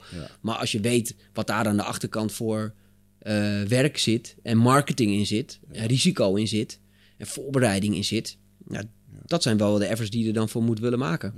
En het klinkt ook zo makkelijk, hè? Dat, eh, oh, hij pakt even alle management eh, Nou, eh, formules en... eh, Ik kan je vertellen, succes. ja. Ga het maar eens bedenken. Echt veel A, wat ze op het podium doen. En B, ga die zaal maar eens vullen met duizend mensen die duizend euro betalen om jou te horen spreken. Ga het maar eens fixen. Nou, en ook Probeer het die, maar eens. Ja, eh, maar ook gewoon de, de manier waarop hij dan op dat podium staat. En eh, het is toch een beetje de, de vriendelijke professor die Ja. dat eh, op een leuke manier kan brengen. Ja, nou ja, en die ook die ingewikkelde dingen begrijpelijk weet te maken. Ja. Trouwens nog, en je had het net over Jim Carrey. Als je nog een leuke, er is een serie op Netflix waarin Jerry Seinfeld met allerlei comedians koffie gaat drinken en auto gaat rijden. Dus dan huurt hij een of andere dikke bolide en dan gaat hij met ze in gesprek. Dus dan heb je eh, Eddie Murphy bijvoorbeeld, weet Oh je ja. wel? Die echt gewoon een paar jaar van het podium terug is. Ik, las toevallig net dat Netflix misschien een deal met hem gaat sluiten voor 80 miljoen. Zo'n comeback voor, eh, voor, eh, voor comedy. Wauw. Maar dan zit je zit hij met die Eddie Murphy in de auto. Oh ja. En dan, dan praat hij inderdaad over de zaaltjes waar ze vroeger eh, voor 40 dollar Mhm. samen op het podium stonden, weet je wel. En die onderlinge competitie. En eh, ja, dat is giga. Dat is, en Jim Carrey komt er ook voorbij. Maar ook dat soort type eh, altijd. Wij, dat is ook altijd een tip die ik aan ondernemers geef. Is mensen kijken altijd naar het eindresultaat. Dus zo'n Eddie Murphy, ah ja, weet je, die eh, z- eh, 10 miljoenen per film en die makkelijk praten, want die zit in de top van Hollywood. Maar, als je, maar ga je eens verdiepen in de weg die ze hebben afgelegd. Ga eens bij Jim Carrey onderzoeken de weg en, eh, eh, en wat bij hem nou de, de eh, reden is waarom hij dat vak is ingegaan. Hè? Want het zijn vaak mensen met een moeilijke jeugd en een hele bijzondere Ja. drive. En wat hebben ze moeten doorstaan om uiteindelijk daar te komen? Dat is veel interessanter. Ja. En ik denk dat die Jim is ook echt wel een... is- het is best wel een, een- een- een figuur, weet je. Ja. Een aparte. Het mooiste opmerking van Jim Carrey vond ik... Hij zegt, ik gun iedereen rijkdom Mhm. om erachter te komen dat dat het ook niet is. Ja. En dat vond ik heel mooi, want hij zegt, joh, ik, ik had, eh, eh, ik- of ik heb eh, tientallen miljoenen en ik was nog steeds niet gelukkig. Ik was nog steeds depressief. En dat vond ik wel, dat vond ik wel, dat vind ik mooie eye-openers, weet je. Want we zijn allemaal heel erg op, aan het streven naar dat succes en naar dat rijkdom, om erachter te komen dat dat het ook niet is. Ja, ja dat is.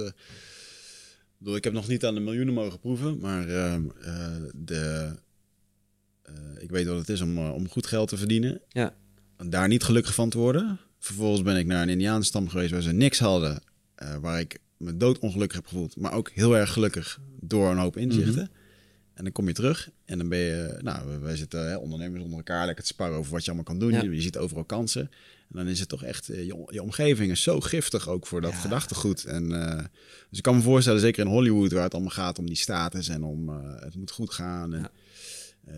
het meedoen en de erkenning. Wauw man, dat is echt wel een uitdaging. Ja. Als je Maar het is zo corny. Maar bij jezelf blijven is, heb ik ook in mijn leven gemerkt. Toen ik begon als ondernemer, toen, toen was ik geen ondernemer, maar speelde ik ondernemer. Dus ik had een bepaald beeld van hoe een ondernemer zich moest gedragen en hoe die moest doen en wat hij moest doen. En die rol ging ik vervullen. Eh, en dat lukte niet. Daar had ik helemaal geen succes mee. Ik, ik, ik had wel wat succes en ik verdiende wel wat geld, maar het lukte niet echt om, om door te eh, rammen. Totdat ik op een gegeven moment dacht van ja, ik ben er klaar mee. Ik heb geen zin meer om die rol te spelen. Ik ben gewoon wie ik ben. Ik ben gewoon de Vries. Ik, ja, ik praat eh, Amsterdams en eh, ja, ik kom uit Amsterdam. En ja, mijn Nederlandse taal is niet altijd helemaal correct. En inderdaad, ik vind het gewoon lekker om een t-shirtje te dragen en een, en een spijkerbroekje en gimpje aan te hebben. Deal with it. En toen ik dat had besloten en ook voor mezelf duidelijk had van waar ligt dan voor mij het succes en wat wil ik bereiken. Ja, het is zo corny, maar dat, dat is echt wanneer het grote succes komt. Ja. Want toen ging, het- werd ik ineens aantrekkelijk voor, voor, voor sprekers en voor mensen en voor bedrijven. Omdat ze dachten, ja, ik vind die Robert Vries gewoon een, een leuke gozer. Ja. Ik heb hele grote deals gemaakt, gewoon in een t-shirtje bij marketingdirecteuren aan tafel. eh, bij hele grote corporates. En die gewoon zeiden, eh, wij- gaan mee. Ja. We doen het. Hè? We gaan ervoor. Ook dat grote evenement in de Ziggo Dome. Ja, weet je, er zat heel veel sponsorgeld ook in. Ja. En die deals hebben we gewoon gemaakt. Van, van joh, wij, wij- wij zijn twee jongens. En we hebben een droom. Gaan jullie erin mee? Ja. En dat is wat mensen aanhaakt. En niet een slimme autoverkoop of een slimme jongetje met een stropdas. En als ik daar een heel verkooppitch had gehouden, hadden ze gezegd, nou sorry, maar geloven we niet in. Nee, is dat gewoon, eh, ze voelen dan de energie inderdaad. En, daar En we, en we weten het allemaal en we bestemmen, het allemaal als corny en als eh, ja, is cliché. Maar het is gewoon de fucking waarheid. Ja. Daar, daar zit echt het succes. Eh, En ook bijzonder dan eigenlijk toch dat er worden zoveel sprekers geboekt. Ehm, en ik denk dat 80% van die sprekers die vertelt eigenlijk dezelfde principes.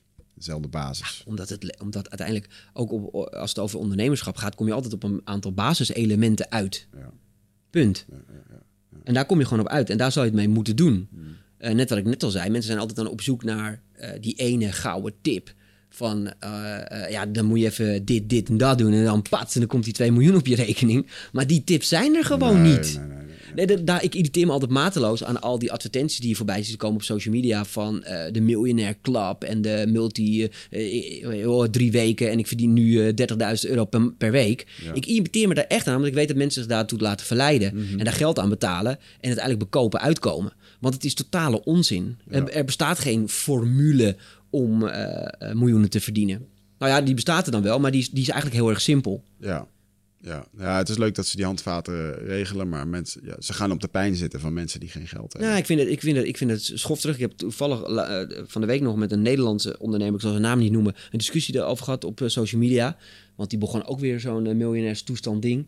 En toen heb ik ook gezegd, ik vind dit zo ontzettende onzin. En ik zeg, ik, ik zeg als je dan multimiljonair ergens mee bent geworden, top. Maar ga dan niet op deze manier met hele slechte, uh, hoe heet dat, uh, amateuristische content proberen mensen nog een paar euro per maand uit hun zak te kloppen. Want ze komen allemaal met dezelfde modelletjes. Het zijn allemaal van die websites met heel veel tekst. Nou, als je heel veel tekst nodig hebt om iets uit te leggen, zal het vast niet waar zijn. Ja, is gewoon echt die Want je kan het vaak ook in een paar uh, zinnen uitleggen. En dan komt alles een modelletje bij en zo'n maandabonnementje. Want ja, als je 3000 man per maand hebt die je 30 euro betalen, nou, dat is ook een hele hoop geld. Ja. En hebben ze allemaal filmpjes voor een uh, krikkemikkig cameraatje gemaakt. En uh, als je dan zo'n multimiljonair bent, waarom investeer je dan niet wat meer geld in een professionele set? Dat verdient je publiek toch wel, of niet? Ja, ja, ja, nou, ik, ik irriteer me daar gewoon aan, vind ik zonde. Ja. Want er trappen mensen in. Ja. ja, daar zijn wel ook mensen slachtoffer geworden. En dat is ook een eigen schuld trouwens. Ja. En misschien is dat ook wel weer de weg, weet je wel. Dat dat gewoon, uh, uh, daar komen ze dan wel weer achter dat het dan niet Nou ja, dat, is ook zo, ja. natuurlijk. Ja. Hey, ander ding, wat een populair ding is en waar ik zelf ook nog wel eens over na zat te denken. Het zou echt ontzettend gaaf zijn als ik ooit een keertje een uh, theatervoorstelling zou kunnen doen. Want wow. bij een, een bedrijf heb je maar, nou, mag binnenkort bij jou op het podium staan in, in de Lamar. En, met een welgetelde 20 minuten. Dat is een uitdaging. ja, succes daarmee. Ik kan, zo ik kan zo 90 minuten vertellen zonder enige slides of wat dan ook. Uh, uh, um, uh, maar um, op dat podium, en uh, mede geïnspireerd door um, vriend Guido Weijers. Ja. Die met zijn geluk masterclass ja, Ja. op 90 minuten op het podium staat. Ja.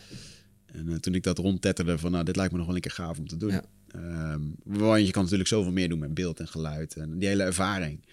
Uh, en toen, toen zei me uh, Guido nog van, nou kom maar eens een keertje langs als je een goede show wil zien, die 90 minuten in elkaar Oh. zit. Uh, alleen de volgende... zo bescheiden als hij is. Ja, nee, maar ik vind dat mooi. Ja. Hij weet gewoon dat hij tof Ja, goed zeker. dingen... En het is ook een fantastische show, laten we eerlijk zijn. Goede show. En, Ik werk regelmatig met Guido en fantastisch, ja. Ik moest ook echt lachen dat hij letterlijk een minuut voordat hij op letterlijk een minuut voordat hij op moest, zat hij nog met mij te appen. Oh, ja. of ik een plek had en weet je, er is zoveel routine zat erin. maar wel gaaf, hij deed daar 90 minuten zijn ding. Met ontzettend veel details, mooie verhalen. En de volgende dag zag ik hem staan. Um, waar die op een congres stond voor leraren. Mm -hmm. Toen dacht ik, maar daar heb je geen 90 minuten gehad. Dan mocht hij maar 40 minuten. En soms zelfs maar 20 minuten. Dus om dat helemaal zo in, uh, uh, ja, dan moet je de stukken weglaten, maar Ja. niet je verhaal uh, weglaten. maar jij bent nu bijvoorbeeld ook bezig met Johnny de Mol, die, die ook Ja. een, een theatershow heeft. Zeker, ja.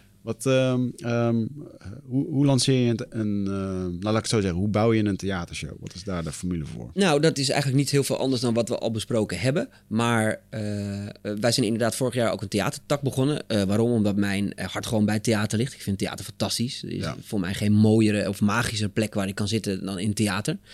En ehm, eh, ik vind het heel leuk om nieuw. Je merkt dat de theaters het ook heel moeilijk hebben. Hè? De, de, de jeugd gaat niet meer naar theater toe. Dus ik vind het leuk om als missie te hebben om nieuwe doelgroepen naar theater te brengen. Eh, daarvoor was onze eerste productie eh, inderdaad het theatertoe van Johnny de Mol. Werkte al jarenlang met Johnny. Dus eh, die zei ook, ja, ik wil ook graag het theater in met met mijn solo show. Met als missie eh, om eh, mensen eh, nou, wat bewuster in het leven te laten staan. En om ook eens te laten zien hoe ik in het leven sta. Om een kijkje in de keuken te geven. Maar ook om mensen bewust te maken van... joh, er is nog meer in de wereld. En hoe ik me daarvoor inzet. Nou, vond ik een mooie missie. Dus daar wilde ik hem wel bij helpen. En, ehm, eh, maar met Johnny de Mol in de markt scoren is natuurlijk redelijk eenvoudig. Doe ik mezelf nu tekort, maar dat is natuurlijk wel zo, want het is een hele grote naam. Ja. En hij heeft een heel groot publiek. En uh, ja, bij een Johnny is het nog zo, ja, die kan nog wel eens een keer hier en daar zijn telefoontje plegen van, joh, mag ik uh, morgen in je programma komen? Ja. En dan is de kans redelijk groot dat ze ja zeggen. Dan zeggen ze graag. Precies, Nou, ja. kijk, Uh, dat is bij iemand anders wat anders. Ja. Um, daarnaast vertegenwoordigen ook een aantal YouTubers die theater ingaan. Nou, daar merk je ook alweer bij. Die hebben ook een waanzinnige eh, eh, achterban en die hebben eigenlijk een eigen marketingkanaal. Maar het allerbelangrijkste bij een theatershow is hoe ga je je marketing optuigen? Ja. Kijk, dat jij, hoe heet dat, eh, een 90 minuten show kan vullen, dat dat fantastisch is, dat geloof ik aan alle kanten. Maar hoe zorg je ervoor dat die, dat die theaters vol zitten? Ja. En dat is hetzelfde met hoe zorg je dat je agenda vol zit als spreker. Dat is dus door een heel goed uitgedacht marketingplan. En bij een theatershow is het de uitdaging is dat je maar een minimaal marketingbudget hebt. Ja. Want je gaat niet superveel verdienen aan een theater. Dat moet je doen omdat je het super tof vindt. Mhm. Eh, maar je wil wel een volle zaal hebben. Ja. Nou ja, daar zit dan de spanning. Hoe ga je dat dan doen? Nou ja, daar, daar zijn natuurlijk wel een aantal eh, eh, tools voor. Maar dat is natuurlijk ook, maar aan de andere kant ook weer niet. Want dat is natuurlijk wat iedereen wil. Ehm, maar er gebeuren wel interessante dingen. Want kijk, zo'n Nienke Plas volgens mij, heet ze? Ja, Nienke Plas, toch? is dat die bekende YouTuber? Ja, die voor de- oh ja, die voor de eerste- ja, die van voor- Roemag volgens mij. Ja, toch? die, die, die voor de eerste keer de, hoe heet dat, eh, theater toe lanceerde en gewoon in een paar weken knijter uitverkocht was. Ja, te gek. Terwijl nog niemand weet wat ze eigenlijk echt gaat doen. Nee. Kracht van marketing, kracht van social media, kracht van een goede online strategie. Ehm, en ja, daar, daar zit dan de kunst in. Dat moet je dan om jezelf heen bouwen. Kijk, als jij zegt theater in wil, eh, ja, dat kan, maar dan moet je een publiek gaan opbouwen. En, maar die heb je al. Kijk naar eh, Thijs uh, met, met 100% Inspiratie podcast. Nou ja, weet je, die heeft vanuit daar zijn publiek opgebouwd en gaat ook het theater in. Ja, ja vet gedaan hoor. Leuk. Ja, super knap. Mooie concepten. Ik denk dat Nederland ook wel toe is aan echt gewoon nieuwe... ja, wat je al zei. Wat ga je nou doen eigenlijk op zo'n podium? Wat Ja. maakt jou nou nieuw? Wat, wat zorgt ervoor dat een organisatie jou wil, wil boeken? Nou ja, en hoe ga je het in het geweld van aanbod? Want in Nederland word je overspoeld met wat je allemaal in een weekend kan doen. Je kan naar festivals, je kan naar theater, je kan, kan naar concerten, je kan naar elke wereldster die je wil. Hè, eh, bi- bi- binnen Nederland, België, eh, hoe heet het, Duitsland. Eh, maar waarom gaan ze nou naar jou die avond toe? Ja, En dat is de kunst om ze die in je marketing, om die vertaalslag te maken. ja. ja, ik denk als je nu kijkt naar... Of tenminste, laat ik het zo zeggen. Als ik nu naar de sprekers kijk waarvan ik denk van... Ja, wauw, dat, dat is echt lekker vernieuwend. Ehm, dan blijft het ook vernieuwen. Ik geloof dat bijvoorbeeld Remco Klaas is nu een leraren pitstop aan het, eh, aan het doen. Waarbij die leraren probeert Ja. opnieuw voor de klas te staan. En eh, fucking slim gedaan, weet je Daar zit de kunst natuurlijk ook in. Je, ook jezelf weer... Kijk, Remco Klaas kan heel makkelijk in het patroon komen. Ach, weet je, dat werkt komt vanzelf wel. Ja. Maar ja, daar zit nooit het succes in. Elk bedrijf die zichzelf voor granted neemt, die, da- dan ga je uiteindelijk ga je dit doen. Ja. Je moet elk jaar jezelf weer opnieuw uitvinden. Dat moet je ook als spreker. Weet je, dat, eh, dat, doet een, eh, dat doet een Ben Tichelaar ook. Ja, die hebben nu ge- ervoor gekozen om met NBA in één dag te stoppen. Nou, vind ik een heel dapper eh, besluit. Ja. Of het nou komt omdat het geen succes meer is... of omdat hij toe is aan een volgende stap... vind ik het beide heel, heel interessant. Van wat, wat, wat wordt dan de volgende stap? ja, super moedig inderdaad, ja. En zo Remco Klaas ook, ja, die komt dan weer met, met iets nieuws. Nou, Michael Palachuk ook, ja, die, dan komt hij dit jaar weer met een, met een meditatie-app. Ja. Volledig zelf geproduceerd, eigen muziek gemaakt, zelf Ja, ingesproken. veel passie Next level, hè? Ja. Ja. Maar dat is gewoon heel gestructureerd, heel planmatig een project aanpakken. Ja, weinig aan het toeval overlaten. Hoewel dat geluk er ook wel een beetje bij hoort. Maar dat is altijd wel een resultaat van eh, toch wel vaak hard werken, Eh, ja, consistentie. geluk- weet je, en, mensen zeggen eh, altijd gelukkig is niet maakbaar en dat is ook zeker zo. En sommige mensen hebben net even iets meer geluk dan iemand anders. Maar als je niks doet, overkomt geluk je sowieso niet. Nee, zeker niet. En ik vind het gewoon, ja, dat zei hij hier ook. Hij zegt, ik ben gewoon de beste hierin. Ja. Er is niemand in Nederland die dat evenaart. Ja. En eh, ik denk dat hij daar gelijk in heeft. Ja. Zoals Dan Peña dat zei, you have a Rolls Royce voice. Ja. ja, dat is ook zo. Ik luister er ook graag naar. Het is een tof, eh, eh, tof iets. Ik hoop dat hij het internationaal net zo succesvol kan maken. Ja. Ehm, even kijken. Over het, ehm, eh, wat wil ik je nog meer weten over het, het sprekersverhaal? Ja, stel nou je gaat met een bureau samenwerken. Hoe ziet dan bijvoorbeeld een marketingplan eruit? Wat kan een spreker verwachten?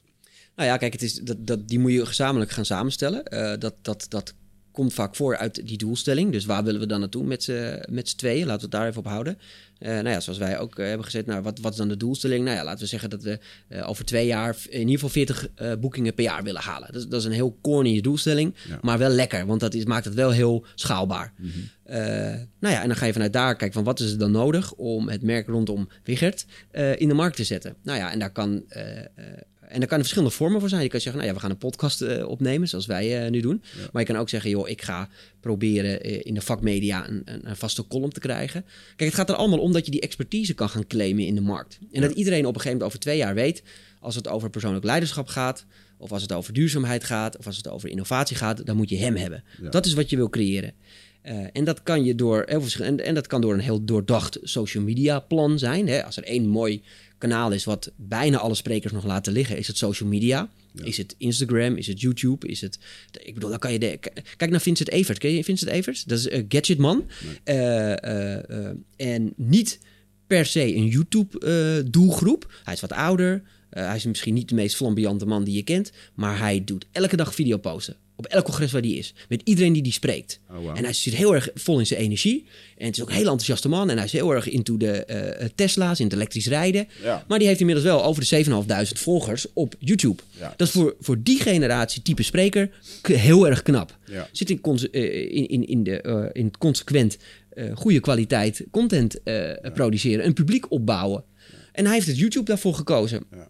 En zijn LinkedIn, hij heeft volgens mij nu twe- 20.000 volgers op LinkedIn. Nou ja, hey, dat, dat, dat, en dat vergeten sprekers nog wel eens. Zet dat eens om in, eh, in, in, in echte mensen. Mm. Als jij 20.000 volgers hebt op, eh, op LinkedIn, dan is dat gewoon twee keer de Ziggo Dome vol met mensen. Die elke dag jouw content voorbij zien komen. En natuurlijk ziet niet iedereen het. Hè. Ik, ik, ik eh, changeer nu een beetje. Maar uiteindelijk eh, moet, je dat, moet je dat in, in poppetjes zien. Ja, dat doet me herinneren aan eh, eh, iemand waar ik veel van mogen leren, Brandon Burchard in Amerika. Ook een niveautje Tony Robbins. eh, die dan naar Singapore ging om te spreken voor 60.000 man. Echt een stadion vol. En die dan vervolgens s'avonds in zijn hotelkamer kwam. En erachter kwam dat zijn video op YouTube gewoon eh, 2,3 miljoen keer was bekeken. En dat hij toen bij zichzelf dacht van waarom ben ik in hemelsnaam alleen maar eh, met al die moeite dat reizen en doen. En, Ja. eh, weet je, je kan gewoon veel meer mensen Ja. daarmee eh, bereiken. Ja. En ik denk ook voor YouTube. Eh, eindbazen is onder andere een succes, omdat de content niet zo snel verloren gaat. Over vijf jaar spreken mensen nog steeds over: hey, ik heb je toen gezien daar. Tuurlijk, daar. ja. Terwijl eh, die inspiratiequote op Facebook, Ja. die is in twee dagen echt vergeten. Dus die, Ik had het van de week nog, heet dat, eh, wij maken voor Quality Bookjes hebben een eigen online tv-kanaal waarbij ik vaak de sprekers interview eh, ehm, eh, ja, op video. Mhm. En van de week werd nog in één vandaag werd nog een fragment ge- gebruikt van een interview van mij met Onno Hoes Oh, wow. vijf, zes jaar geleden. En die kwam dan ineens in één vandaag. Maar wel erbij, eh Spreeks Pro Quality Bookings, hè, daar, wordt, het- daar wordt het dan toch weer bij genoemd. Ik denk van ja, dat is toch wel, dan merk je toch wel hoe lang die content kan, eh, kan, kan blijven bestaan en gebruikt kan worden door mensen. Ja, mits het inderdaad goede content is. Tuurlijk, ja. Ehm, want ik denk dat je ook wat, je kan ook wel de fout gaan maken door te gaan posten om maar te posten. Ehm, maar ik denk altijd als je wat ja. leert en als je wat waarde levert. En eh, dat is echt een makkelijke strategie om heen te bouwen. Nou ja, je kan heel makkelijk, wat wij doen voor onszelf, voor onze bedrijven, is eh, een contentkalender maken. En dat is gewoon heel simpel. Op maandag doen we eh, de quote van de dag. Op dinsdag doen we een blog van een spreker. Op woensdag doen we een fragment van een interview. Op donderdag doen we een fragment van een live optreden van een spreker. En op vrijdag doen we een shout-out voor het weekend. Ik zeg maar even wat, hè? Ja, ja, ja, ja. Ja, als je het zo concreet al maakt voor jezelf, Ja. Dan is het al een stuk makkelijker. Dan denk je, oh, is oké. dus dan moet ik eh, nog 52 quotes gaan bedenken. Dan moet ik twee keer 50 keer een. Nou ja, goed, ik heb dan iemand die dat eh, voor mij doet, want dat kan ook een keuze zijn. Je hebt genoeg mensen die voor een paar honderd euro per maand dat voor jou helemaal uitrollen, knippen, ondertiteling eronder doen en het, en het op alle eh, kanalen verdeelt.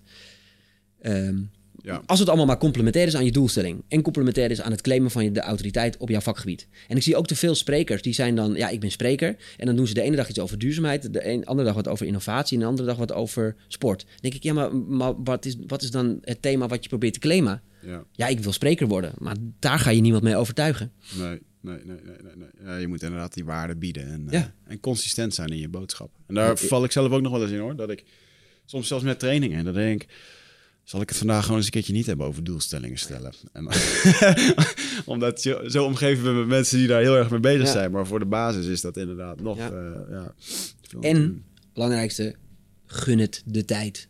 Mm, Er is nog nooit, eh, het, het gebeurt zelden dat een spreker binnen twee jaar, boom, sky high gaat. Dat gebeurt zelden, dat is een lange weg. ja, En dat is ook helemaal niet erg. Eh, hoe heet dat? Respecteer dat proces en geniet van dat proces. Eh, en, en probeer ook van elke optreden die je dan binnenhaalt en voor elke seminar die je dan staat, niet dan dat te zien als een stapje naar je einddoelstelling, maar om daar erg van te genieten. ja. Want het is een bevoorrecht vak, spreker voor mensen. Het, is, het, is, het is heel mooi, het is bijzonder. Dat je, eh, uiteindelijk zitten er wel honderd andere levens die net zo belangrijk zijn als jouw leven, eh, zitten op dat moment naar jou te kijken en proberen iets van jou te leren. Dat is iets heel moois. Je kan voor een olievlek zorgen. Je kan, voor, je kan echt iets bewerkstelligen in de wereld. Ja, Wat je doelstelling ook is. En, dat is het, en je krijgt er ook nog eens een keer een puistgeld voor. Ja. Dat is, het mooiste vak wat er is, vind ik. Ja, ja, ja, zeker. Maar respecteer het ook en geniet ervan. En ben niet alleen maar bezig met, oh ja, ik zit nog niet op de 100, ik zit nog niet op de 100, ik zit nog niet op de 100. Ja. Ja, who cares, weet je? Dat komt vanzelf. Ja, ja, ja. Wat zijn, eh, want we hadden het zo straks ook even over ehm, interactie met de zaal, leuke dingen. Wat zijn nou, eh, wat zijn nou innovatieve dingen die sprekers doen tijdens lezingen of tijdens eh, hun, hun spreken? Ehm, wat gewoon zorgt voor iets anders of eh, leuke innovatieve dingen die je onlangs hebt gezien. Zou je daar ja, wat de grootste innovatie die ik de afgelopen jaren heb gezien is die catchbox. Dat vind ik echt een briljante uitvinding. Oké. Eh, vroeger moest je altijd de zaal in, zeker als dagvoorzitter, met je microfoontje door de zaal. heen. Ja, oh, je wilt wat Aha. zeggen? En dan moest je helemaal teruglopen. En nu heb je natuurlijk die catchbox, gewoon een microfoon in schuimrubber. En die kun je gewoon de zaal ingooien. Iemand vangt hem en die kan erin praten. Oh. Dat vind ik, vind ik echt de meest... Dan denk ik... Bij dat soort dingen denk ik altijd, waarom heb ik dat niet bedacht? Is dat iets van wat een organisatie inbrengt of een spreker? Ik zou als ik spreker was er zelf eentje kopen en hem altijd bij me hebben. Ja. Je wilt toch gewoon zeggen, hé, hey, jij daar, hier, vang. Wat is jouw doelstelling in je leven? Gewoon, gooi maar terug. Oh, en wat, Ja, hoe zit jij, ja. die interactie met die zaal is belangrijk. Ik bedoel, het is wel leuk dat jij iets hebt bedacht wat je gaat vertellen. Maar Ja. laat het nou eens een keer... Dat vind ik ook een leuke vorm trouwens. Heb ik ooit eens tegen iemand gezegd. Van, hij zegt, joh, ik heb wel 80.000 verhalen. Ik zeg, nou, dat is toch mooi. Maar waarom laat je het publiek dan niet bepalen welk verhaal je gaat vertellen? On the spot. Ja. On the spot, improvisatie. Ik bereid niks voor, ik ga daar zitten. Ik heb mijn bagage aan inspirerende verhaal, want ik ben een bekende sporter. Ik heb heel veel meegemaakt. Microfoon, wat zou jij willen horen? Nou, ik zou wel eens willen horen hoe jij Olympisch kampioen bent geworden. Gooi me terug. Nou, wat, bub, bub, bub, bub. on the spot, waarom niet? Ik bedoel, Je doet het voor hun. Ja. Dus dan mag je ook wel aan hun vragen wat zij willen horen. Nou, daarnaast is natuurlijk die, dat interactiesysteem. Wij werken altijd met Skiffer bijvoorbeeld. Dat is zo'n systeem dat mensen op een mobiele telefoon... eh, eh, eh, nou ja, daar zie je op het scherm vragen kunnen stellen. Of je kan bepaalde polls zeggen van... Hè, wat vinden jullie ervan? Ja of nee? Ben je het ermee eens of oneens? Is wel leuk. Het- het- het- Vinden jullie het leuk, ja of nee? ja, het werkt af en toe wel wat vertragend, merk ik. Ja. Ehm, eh, eh, maar en, en het is ook wel weer dat iedereen natuurlijk dan op zijn mobiel zit. Maar soms is het ook wel eens leuk. En je merkt ook wel bij bepaalde doelgroepen die het moeilijk vinden om uit hun comfortzone te komen. Eh, eh, om dan te zeggen van joh, je kan anonieme vraag naar het scherm toe droppen. Want het kan het ijs breken een beetje. Nou ja, mensen durven dan echt gewoon te zeggen van joh, eh, wat een onzin verhaal. Eh, kom eens tot de kern. Ja. Nou, dat is wel spannend als iemand... er- En, en dat soort dingen komen dan ook. Of gewoon mensen die zeggen, joh, doe eens een dansje of zo. En je hebt altijd van die geinpolers Ja, ja, ja, in, in de zaal zitten dan. Ehm, maar dat is wel een leuke tool om de interactie op te zoeken met het publiek. En dat is denk ik eh, waar ook heel veel sprekers de fout in gaan. Dus dat ze alleen maar willen zenden. Hmm. En dan wordt het een ego-show. Ja, Dan doe je het alleen maar voor jezelf. ja, ja, ja. ja, waarom sta je op dat podium inderdaad? En weet je waarom ze het vaak niet durven? Omdat ze heel erg bang zijn dat er een vraag komt waar ze geen antwoord op hebben. Ja, En eh, eh, dat kan gebeuren als je, weet het, je, A, je geen meester bent in je vakgebied. En twee, eh, is het ook helemaal niet erg als het een keer gebeurt. Eh, als er een keer een vraag komt waar je geen antwoord hebt. Ja, hoe erg is het om te zeggen, ja, daar heb ik geen, heb ik geen antwoord op. Ja. Kom ik bij je op terug. Ja. Is ook niet altijd erg.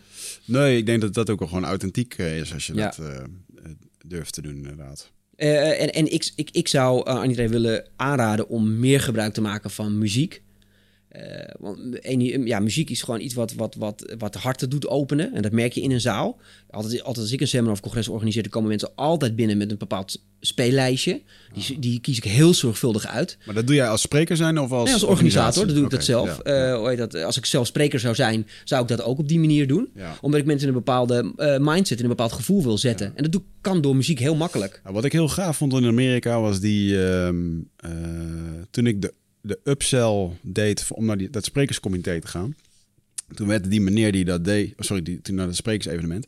Toen werd die meneer aangekondigd op het vorige evenement. Middels een, eh, gewoon een anderhalve minuut highlight. Oh ja. Daarin werd verteld dat hij voormalig pro-voetbalplayer was. Dat hij zijn been brak. Dat zag je dan ook eventjes. Waar heel de zaal oeh zat. En vervolgens eh, dat hij 17 jaar Broadway had gestaan. En, en eigenlijk, oké, dat is die meneer. In anderhalve minuut. En eh, toen zat ik voor mezelf te denken, wauw. Ik ben soms wel eens even 10 minuten of een kwartier ben ik bezig om mezelf uit te leggen hoe dat ik tot deze plek kwam. Terwijl het zo ontzettend krachtig gedaan kan worden. En weet je waarom het kracht is op die manier? Omdat je het niet zelf doet. Er is niks zo storend aan een spreker die tien minuten lang uit onzekerheid vaak gaat vertellen waarom hij kan vertellen wat hij gaat vertellen. Ja. Want dat is het vaak. Je bent tegen het publiek aan het zeggen: nee, maar serieus hoor. Ik ben eh, echt. Ik heb, ik heb tien jaar eh, heb ik ook bedrijven gehad en ik heb ook dit gedaan en ik ben in de, eh, bij de stammen geweest. Ik ben, om maar te vertellen, ik, ja, wat ik straks ga vertellen is echt waar hoor. Ja. Want dat is vaak waarom, waarom ze het doen Ja. omdat ze eigenlijk denken van ja, misschien, joh, boeien. Als jij een goed verhaal hebt, of het nou waar is of niet. Als het een goed verhaal is en het is authentiek, pak je ze toch wel. Ja. Vertel niks over jezelf. Laat de dagvoorzitter één of twee dingen opnoemen. Oké, Wigert is inderdaad in de jungle geweest. En ja, hij heeft een succesvolle podcastserie. En ja, het is een hele toffe gast. Geef hem een groot applaus. En begin gewoon aan je verhaal. Ja, ja, ja. Je hoeft jezelf niet meer op te hemelen. Nee, nee, nee. Maar vind je dat soort via interactie met video's en zo, vind je dat geschikt? Of is dat, eh, want bijvoorbeeld voor zo'n eh, De Lamar heb je daar de installatie voor. Ja. Eh, Het is anders als je voor een zaaltje van tien man Ja. in een bedrijf eh, zo binnen moet komen. Ja, aan de andere kant. Ja, nee, het is zeker. wel het show-element. Ik Ja. vond het gaaf in ieder geval. nou ja, oké, je, moet, je moet het altijd aanpassen bij de zaal waar je staat. Kijk, als je voor 10.000 man staat, moet je weer meer uit de kast halen dan als je voor 100 man staat. Maar ook video vind ik een eh, heel belangrijk onderdeel. Dat als je dat goed gebruikt, kan het heel erg veel toevoegen aan je verhaal. Alleen het moet niet een doel aan zich worden. Er zijn heel veel sprekers die denken, nou, ik heb een uur te vullen. Dan doe ik gewoon drie videootjes. Dan Ah, zit ik ja, al ja. op 45 minuten. Eh, en het zijn vaak ook allemaal videootjes die we allemaal al 80 keer voorbij hebben zien komen op social media Ja. maak je eigen content, durf daarin te investeren. Ga zelf wat schieten. Eh, en dan maak je het uniek en dan kan het ook wat toevoegen. Ja, ja. Nou, ik denk dat ik het, misschien dat ik het wel eens ga proberen bij 20 september. Business on stage. Ja. Nou, er zit gewoon eh, één minuut introductie. Dan kan, dan kan je gewoon meteen eh, tot de kern komen met je verhaal. Eh, en dan heb je gewoon een gave intro. Ik moet dan altijd denken aan eh, UFC, de, de Ultimate Fighting Championships. Ja. Als er daar vechters op komen, doen ze dat ook door middel van beelden en dingen. Ja. En, Op hype, Dat is hè. toch gaaf. Een stukje extra show erbij. Ik hou wel van show, laat ik het zo Nee, zeggen. ja, 100%. Ik denk dat show ook heel erg belangrijk is, want je wil uiteindelijk mensen inspireren. En eh, in beweging brengen en raken. En dat kan niet, dat kan maar alleen maar. Ik, ik zie ook wel eens sprekers. eh, en misschien weet je wel wie ik het bedoel, maar ik irriteer me daar echt aan. Die zie ik dan in een korte broek en een t-shirt op een podium van 10 bij 10 op een stoel zitten. Maar hoeveel respect heb je voor je publiek als je dan serieus in een groot theater met 3000 man die er zit en je gaat zo in je, in je korte broek zitten. En dan kan je wel zeggen, ja, maar dat is wie ik ben. Ah. En dat is heel authentiek. Maar ik vind, het, ik, ja, ik vind het persoonlijk, het is geen show. Het is geen. eh, ehm, eh, ik vind het geen respect voor je publiek. Want je publiek ziet er dan nog netter uit eh, dan jijzelf. En ik zeg helemaal niet dat je allemaal in je driedelig pak moet gaan staan. Je mag ook gewoon in je spijkerbroek in je t-shirt. Maar come on, weet je, je, bent een entertainer. Je wil een inspirator zijn. Dan heb je ook bepaalde verantwoordelijkheid om het vak serieus te nemen. Het zal toch gebeuren dat straks alle sprekers over tien jaar op een podium op een stoel zitten. Dan is het hele vak naar de, naar de maan. Ja, ja, ja. En dat wil niet zeggen dat je niet eens een keer een moment tijdens je lezing op een stoel kan zitten. Omdat het een mooi theatraal paadje is. Omdat er een spotje opkomt. Dat je tot jezelf gaat. Dat je dichter bij het publiek. Dat je op het rand van het podium gaat zitten. En een mooi verhaal vertelt tegen iemand. Hè, over vroeger. Waarom je dit, waarom je dat. Ja, maar dan is het inderdaad onderdeel van die intimiteit. Van even, even dat... Het is een kunstvorm. Het is ja. theater. En, die moet, je- en daar moet je wel respect voor hebben, vind ik. En dat moet je ook leren. Hoe maak je een mooi plaatje? Hoe, hoe, hoe, zoom je in op een bepaald onderwerp? En hoe stap je daar weer uit en maak je het groter, maak je het energiek? Weet je, en, en, en dan wordt het... eh, dat is ook wat Remco Klaassen doet. Er zijn ook heel veel sprekers die bijvoorbeeld dit de hele tijd doen. En Heen en die, weer die heen en weer lopen. Je wordt, je wordt knetter zenuwachtig van als, als publiek zijnde. Verwen je publiek is en blijf gewoon eens op één plek staan. Ik weet dat het heel moeilijk is. Maar ga dat eens oefenen. Ehm, ja, toch, en toch denk ik, eh, want dat was de reden waarom ik naar die sprekerstraining ging. Ja. Van die meneer, die stond, eh, die noemde dan, je moet als een roofdier op dat podium Ja. staan. En dat deed hij ook echt. En die man eh, bewoog ook heel veel, Mhm. maar was niet storend. Je, je hield niet je ogen niet van hem Nee, af, zeg maar. Maar ja, oké, eh, kijk, ik, ik bedoel, eh, eh, eh, over alles wat ik zeg, kan je altijd een voorbeeld noemen van iemand Mm. bij, wel, bij, wel, bij wie het wel werkt, zeg Nou, maar. laat, laat ik het zo zeggen. Hij zei gewoon, joh, je moet gewoon... ehm, jij bent een aanwezigheid op het podium en mensen moeten naar Ja. jou kijken. En als ze naar buiten zitten te kijken, dan doe je het eigenlijk verkeerd. Ja. Dat sowieso, maar dat, dat, daar hoef je niet per se voor te bewegen. En als je dan beweegt, regisseer het bewegen dan. Zorg dan dat het bewegen klopt bij het verhaal wat je vertelt. En je ziet heel vaak dat mensen het alleen maar doen uit zenuwen. En omdat ze hun verhaal niet helemaal in hun hoofd hebben zitten. En dan gaan ze maar een beetje bewegen. En dan worden ze een beetje hup, hup, En dan gaan ze een beetje zoeken naar hun verhaal. Als jij het hebt geregisseerd en het klopt bij een verhaal, eh, het doen. Zeker, want ik bedoel, je moet zorgen voor energie. En laat mensen maar vooral bewegen en laat ze maar wat doen. Maar eh, als je het doet uit eh, nervositeit... Want dat is vaak bij sprekers. Uit nervositeit gaan ze bewegen en rondjes lopen.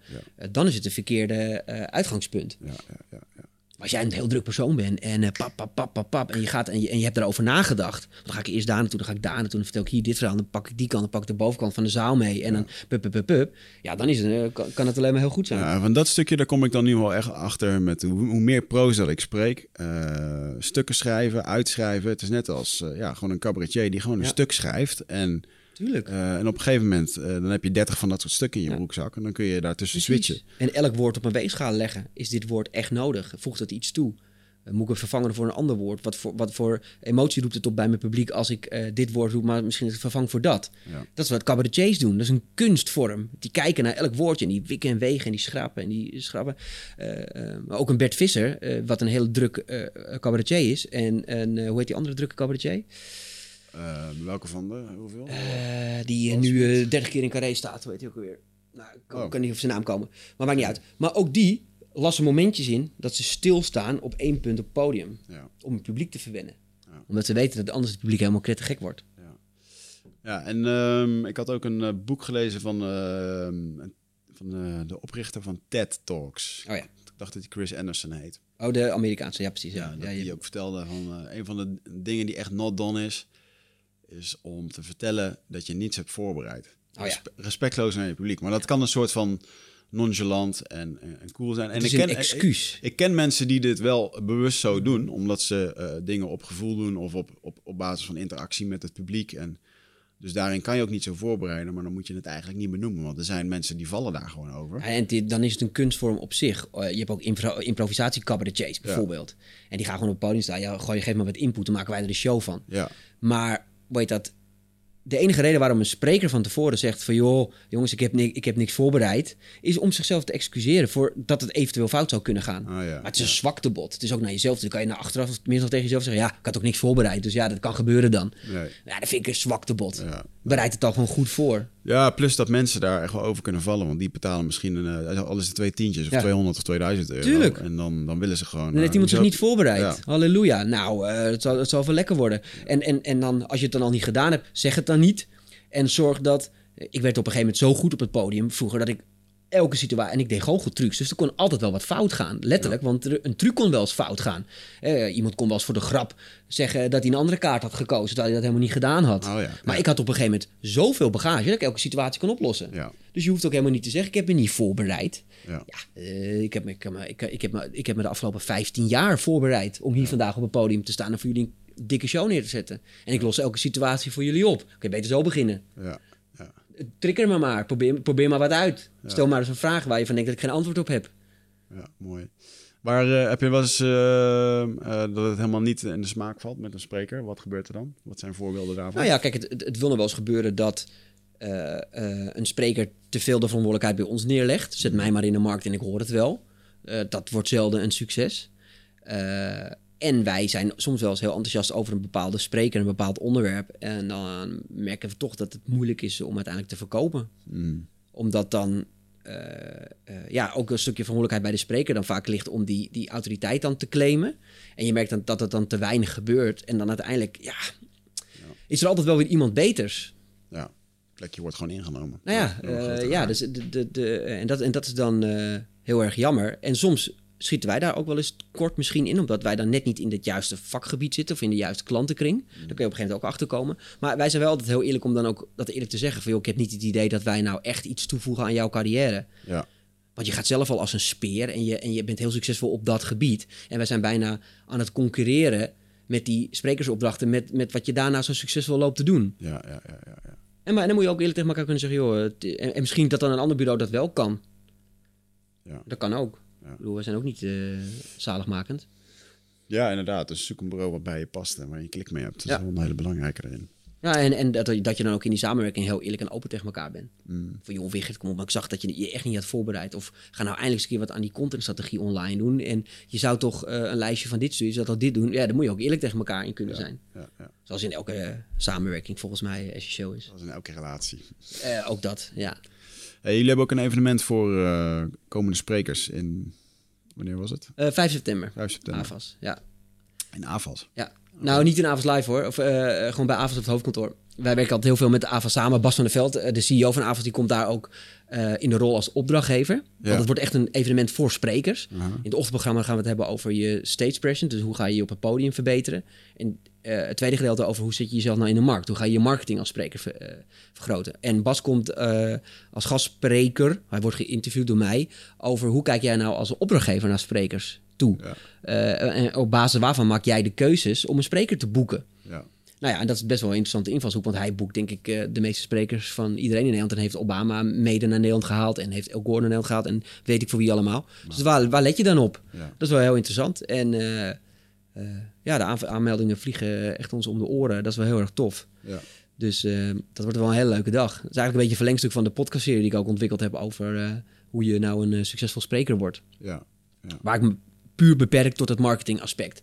Er zijn genoeg coaches in Nederland die je vertellen over hoe je op een podium kan versterken. En hoe je een betere eh, eh, spreker of presentator kan worden. Maar niemand vertelt over hoe je het in de markt zet. Ja. Nou ja, ik vind mij, mijn rol als sprekersbureau is dat ik claim dat ik de autoriteit heb en de kennis dat ik weet hoe je een spreker moet vermarkten. Nou ja, Ja. daardoor. eh, eh, maar we kunnen niet iedereen helpen. Dus daarom is die podcastserie ontwikkeld. Nee. Gaat het een beetje, verschu- verschuift het een beetje naar een soort van artiestenmanagementbureau waarbij je ziet dat jonge DJ's worden opgepikt en dat er echt een merk omheen wordt gebouwd? Zeker. Alleen, eh, hoe heet dat, eh, eh, doen, we, doen wij dat met sprekers. Ja. Ja, zeker. Nou ja, goed, wij, wij delen het kantoor met eh, Spec Entertainment. Dat, dat is het managementkantoor van Ali B. Mhm. En die doen eigenlijk exact hetzelfde wat wij doen, alleen dan met rappers. Ja. En dat is super geestig om te zien, want het Ah, ja. spel is hetzelfde. Alleen is het natuurlijk vele malen groter bereik en grotere afzet. Want die jongens verdienen natuurlijk allemaal hun geld op Spotify en YouTube en dat soort dingen. Ja. Maar het is wel heel leuk. Ik leer ook heel veel van hoe zij het doen. eh, en, en waar sprekers nog heel veel kansen laten liggen. Ja. Zij focussen natuurlijk op een jonge doelgroep, maar die jonge doelgroep wordt straks ook ouder. Ja. Die gaat ook het bedrijfsleven in. Dat zeg ik ook altijd tegen sprekers van, zeggen ja, maar mijn doelgroep zit niet op YouTube. Onzin, totale onzin. En als ze er nog niet op zitten, ben jij straks wel dan degene die die nieuwe doelgroep, die gaat ook straks werken. Die komen ook allemaal bij eh, de grote corporates te zitten. Ja. Heb je ze wel vast? Nou, ik zeg ook altijd tegen mensen, joh, als jij ergens interesse in hebt, als je ergens fan van bent, dan is er interesse in. Dan ben je echt niet de enige. Kan Oh, gewoon niet. Nou ja, 100% dat is waar, ja. En ehm, eh, ik snap wel dat niet iedereen. Paul Smit zegt het altijd wel mooi. Ja, sommige mensen zijn gewoon niet zo mooi. En dan wordt er ook niet naar je gekeken. dat, dat is ook heel eerlijk, dat Ja. klopt. Maar ik denk wel dat er ook een hele hoop mensen zijn die gewoon eh, consistent eh, aan het eh, content aan het Ja. rondpompen zijn. En op Maar het mooie zit ook niet eens in, in het uiterlijk, maar het mooie zit in, in wat voor bijzonder, gek, raar, typisch karakter ben je. je- Ja, Ik bedoel, de meeste mensen die succesvol zijn, zijn exemplaren. Daar is iets geks mee. En dat vinden we allemaal interessant om naar te kijken. Remco Klaassen, ook een beetje een ge- gekke man. Als je naar hem kijkt op podium, nou, een apart type, heel flamboyant, hup, en durft alles maar te zeggen. En durft gewoon te vloeken en te schelden op het podium. Nou, eh, hup, en die komt in zijn dikke auto aan. En dat is een exemplaar op zich. Dat maakt hem interessant. authenticiteit hoor. Erik Scherder is heel authentiek. Is een hele lieve, oprechte professor. En is heel geïnteresseerd en eerlijk. En die is wie die is. Dat is wat hem zo interessant en aantrekkelijk maakt. Ja. Eh, eh, gewoontjes zijn is zelden een goede basis voor een businessmodel. Maar wij, zijn, wij, maar wij hebben allemaal iets geks. Ja. Nou, durf dat eens uit te vergroten. Ja. Ja. Ik weet zeker dat er nu een aantal mensen zitten te kijken naar die podcast te luisteren. van, God, nou die gozer, dat is ook wel een beetje een Amsterdamse blaaskaak. Ah. Nou ja, eh, dat is dan misschien wel wie ik ben. En misschien vergroot ik dat ook wel uit. Ja. Maar dat is dan uiteindelijk wel wat mensen interessant vinden om naar te kijken. Ja, ja, ja, zeker. Je moet. Eh, ja, mensen krijgen mij. Ik krijg ook nog wel eens de vraag van waarom ik dan naar die jungle ga, weet je, met alle dingen die we daar doen en eh, dat mensen begrijpen dat niet. Eh, maar ik vind dat juist leuk. En Ja, maar dat maakt jou leuk. toch ook een, een gekke gast. Want waarom ga je in vredesnaam een paar maanden in de jungle bij Indianen zitten met al je ayahuasca-toestanden, dingen, die, dingen die mensen denken, die gasten niet goed bij zijn hoofd. Maar ik vind het wel interessant. Ja. Vertel nog eens, hoe, hoe werkt Ja, dat dan? En hoe zit dat dan met, die, met dat spul? En hoe, hoe was dat dan na drie maanden? Het is interessant. Dat is de aantrekkingskracht die je moet creëren. Toon Germans die gaf mij de tip. Ehm, toen zei ik, ik had het ook met hem over de sprekersambitie. ambitie. en toen zei hij, weet je wat je moet doen? Je moet een baksteen bij, bij Eva Jinek naar binnen gooien. ik zeg, wat bedoel je daarmee? Hij zegt, ik ga even koffie halen. Denk er maar eens over na. En eh, toen hadden we het er later over. En hij bedoelde inderdaad ook gewoon, ja, je moet... eh, ehm, het moet, eh, het moet wild en eh, eh, zo, nou, ja, het mag wat extreem zijn. Het mag wat wild zijn en het. Ga eens naar die rappers kijken die Ali B vertegenwoordigt. Zo'n boef. mhm, Hoe is die bekend geworden? ja, door- Als, als, een, als, een, als een straatcrimineeltje. ja, Maar daardoor is hij, werd hij ontzettend interessant voor de jonge doelgroep. ja, Eh, Is het vermarkt? Dat weet ik niet. Ik, ik weet oprecht niet of dat geregisseerd is of niet. Maar het, het zou me niet eens verbazen. Als zo'n jongen geregisseerd wordt van... joh, we gaan je eerst een beetje als een half crimineeltje in de markt zetten. Je gaat af en toe wat vrouwenvriendelijke opmerkingen hier en daar maken. Dan word je mega opgepakt door het nieuws. En vanuit daar gaan we je omturnen van... joh, ik heb mijn leven verbeterd. Ik ben een eerlijke jongen. Ik wil je helpen om niet zo... Hé, hey, eh, fantastisch verdienmodel. Ik, het zou mij niet verbazen dat het geregisseerd is. ja. Maar zo moet je ook met jezelf durven om te gaan. Durf gewoon eens een keer iets te gekken wat, te zeggen wat buiten de, de, de, de, de, de geba- ge- ge- gebaande paden, Ja, de paden, eh, leidt. Ja, je noemde net wat? Ali B, dat is ook echt wel een mooi voorbeeld over. Ah, Ze noemen hem de knuffel Marokkaan. eh, maar en vroeger was het ook wel, had hij ook wel zijn opmerkingen klaar. En, eh, maar altijd wel een, het is een hele doordachte jongen. Maar het is een hele slimme jongen. Ja. En hij is authentiek. En als hij bij Obama op het podium wil staan, dan belt hij Hans Jansen van Denksproducties. En dan zegt hij, ik eh, wil daar op het podium staan. Dan belt hij zelf naar Hans Jansen toe van, joh, hey, ik wil bij Obama op het podium staan. Wat moet ik doen? Zeg het maar. Oh, wauw. En hij fixt het. Ja. En als Ali ergens naar binnen wil, dan belt hij op en dan fixt hij het. Ja. En hij gaat niet en hij neemt geen nee als antwoord mee naar huis. hij gaat dat gewoon fixen. En dat is briljant van die jongen. Ik heb, hem, ik heb met hem op het podium gestaan bij de Rabobank. Voor een zaal vol met boeren, ergens in Verwegistan. En eh, die boeren kregen te horen dat de fysieke bank zou komen te verdwijnen. En dat waren nog mensen die elke week met een zakje geld naar de bank toe gingen. Dus die waren echt fucking geïrriteerd. En die stonden nog net niet met een hooivorken eh, daar in die zaal om protest te tekenen. En eh, ik moest toen op het podium Ali B interviewen om die boeren te inspireren. Nou, ik dacht echt serieus van tevoren, dit is een kansloos verhaal. Ja. Want nu komt er een Marokkaan uit Almere op het podium tegen die boeren te vertellen dat ze niet zo moeten lopen zeuren. Ja. Maar ik zal je vertellen, Wigert, binnen vijf minuten had hij ze allemaal in zijn zak zitten. En dat is ook namelijk letterlijk wat hij tegen ze gezegd heeft. Hij heeft ook letterlijk gezegd van jongens, laten jullie je nou als intelligente boeren eh, door zo'n bank eh, besturen? En gaan jullie nou afhankelijk zitten doen? Jongen, er zijn toch 20.000 andere oplossingen te bedenken om dit te doen. Ik zou het gewoon zo en zo doen, dan is het opgelost. En door die authenticiteit en die brutaliteit pakte hij ze allemaal. Heeft hij drie kwartier lang stond ze allemaal met een tong uit de mond naar hem te luisteren. Dat is wel echt kick als je dat Vind ik echt, eh, vanaf die dag heb ik zoveel respect voor die man gekregen. Omdat ik dacht van ja, als je dit kan, Ja. ja, dan, dan, dan, dan, dan kan je alles. En, daar, en daar kan hij ook echt. Want schop hem voor een zaal met ondernemers. En hij, eh, of, of wat voor mensen ook, hij pakt ze in.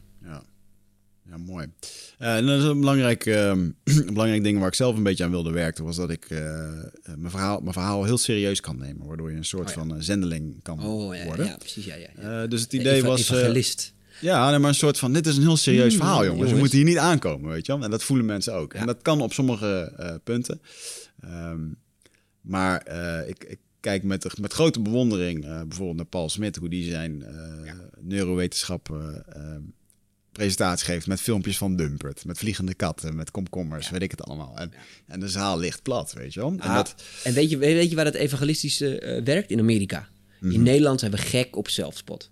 ja, We zijn gek op zelfsport. Weten, Je kan, je kan met niets zoveel succes hebben in Nederland als als je jezelf continu op de korrel neemt. ja, Dat is gewoon belangrijk. Want dat, dat, vind, dat, is, dat is Nederlandse humor. Dat vinden wij leuk, daar moeten we om lachen. En dan hebben we ook respect voor je, want dan weten we dat je jezelf niet te serieus neemt. ja, ja, ja, ja. En als jij te serieus op je eigen verhaal gaat zitten, dan denken we allemaal, gas, kom op. Ja. Doe nou even serieus. Zo erg kan het ook allemaal weer niet zijn hoor. ja. En eh, het zal mijn tijd wel uitduren. Dus die humor is wel belangrijk in de Zeker, zeker. Nou ja, en humor, zelfspot. Ja, ja, is dat humor? Het hoeft niet altijd per se een hele goede grap te zijn. Maar je kan het wel af en toe even te bagatelliseren. Door, door ja, wat voor voorbeelden ook te noemen. En ik vind dat, ik vind dat wel heel sterk. Ja, zo'n Paul Smit is natuurlijk ook gewoon... Wat hij heeft gedaan is ook heel sterk. Maar wat de kracht van Paul Smit is ook het concept wat hij aanbiedt. Mhm. Maar uiteindelijk is hij ook gewoon cabaretier. En doet hij ook nog voor mij wat goocheltrucs op het podium.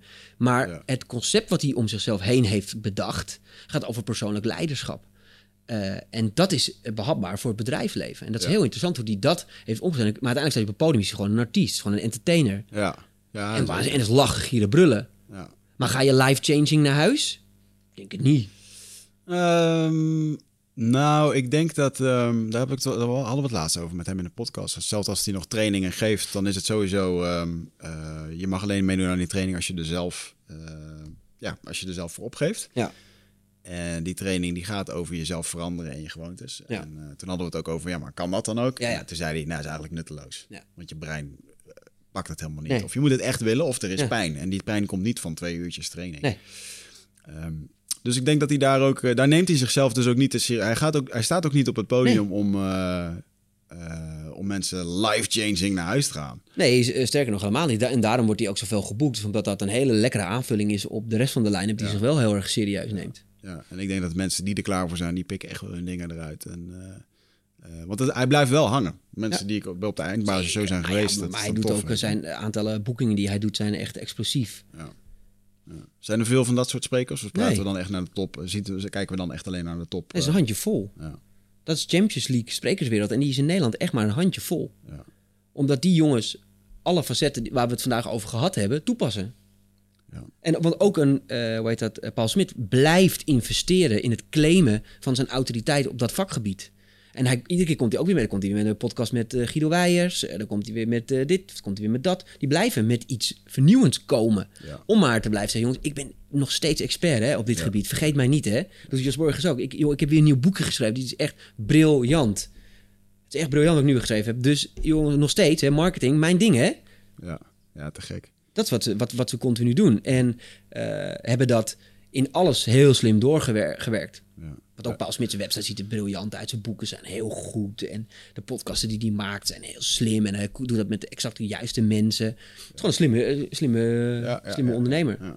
ja, met Jos Burgers, ik weet dat hij een beetje naar zijn pensioen aan het toewerken is. Dan heb ik nog niet helemaal gevonden wie Jos dan... eh, ik denk ook niet dat Jos vervangen kan worden, want Jos is gewoon Jos. Ja. Eh, Nou ja, kijk, en je hebt ook weer, eh, weer in elk vakgebied eh, verschillende exemplaren nodig. Eh, ook in de, in de, in de eh, muziekwereld heb je qua Nederlandstalige muziek heb je een Ilse de Lange nodig die een heel kunstig eh, muziekstuk maakt. Maar je hebt ook Dries Roelving nodig die gewoon een hoenpapaatje met z'n allen en we bewegen mee. Ja. Die heb je allemaal nodig. En eh, nou ja, je mag zelf bedenken wa- waar iemand dan in verkeerd in. Maar dat heb je ook bij sprekers. Je hebt sprekers die al eh, twintig jaar op het podium staan, die het exact hetzelfde verhaal vertellen, maar waar je van weet dat je even lekker kan lachen en dat het leuk is en dat het vermakelijk is. En je hebt sprekers waar je van weet dat iedere keer als je ze ziet, dat je gewoon, poh, wat, die- hoe die daar nou weer op was gekomen, jongen, briljant. Ja, en wat ik een bijzondere gegeven vond was dat eh, Jos Burgers praat al heel lang over hetzelfde. Wordt nog steeds heel veel geboekt. Jozef Abelkas heeft zijn verhaal. En toen ik het er ook met jou over had, want ik was dan een soort van bang dat mensen na twee jaar mijn verhaal niet meer wilden horen. Ah ja. Eh, maar als je wil, kan je, gewoon, kan je gewoon 30 jaar lang met je verhaal op de bühne staan. eh. Ja, luister, Nederland is een klein land. Maar voordat jij met zaaltjes van 200, 300 man per keer heel Nederland hebt gehad... waar ook nog een verschuiving in generatie Ja. aan onderdoor gaat... ja joh, je kan, eh, je kan dat eeuwig blijven doen. Ja. Ik ken goochelaars die werkelijk waar hun hele leven exact dezelfde goocheltrucs doen. Neem een Hans Kazan, letterlijk... eh, waar ik onwijs veel respect voor heb. want Ik vind de liefste man op aarde, Hans Kazan. Echt oprecht. Ehm, maar joh, de, de, de, ja, ik bedoel, Gerard Joling staat ook elke week bij zijn optreden hetzelfde liedje te zingen. Ja.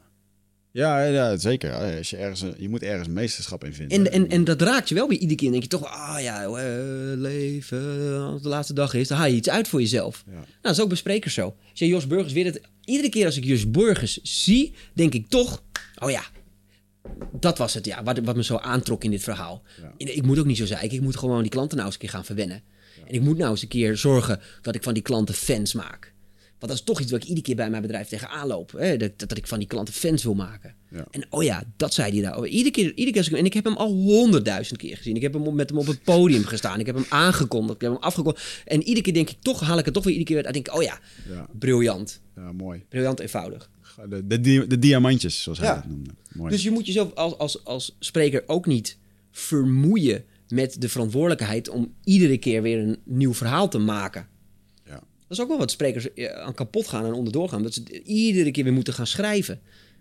Nou, maak eens voor jezelf gewoon een 80% verhaal die in de basis knijtersterk is. En voeg daar iedere keer 20% maatwerk aan toe. Ah ja, ja, ja. Waarom niet? Dat dat, dat, dat, daar, daar heeft niemand bezwaar tegen. Er is geen opdrachtgever die dat erg vindt.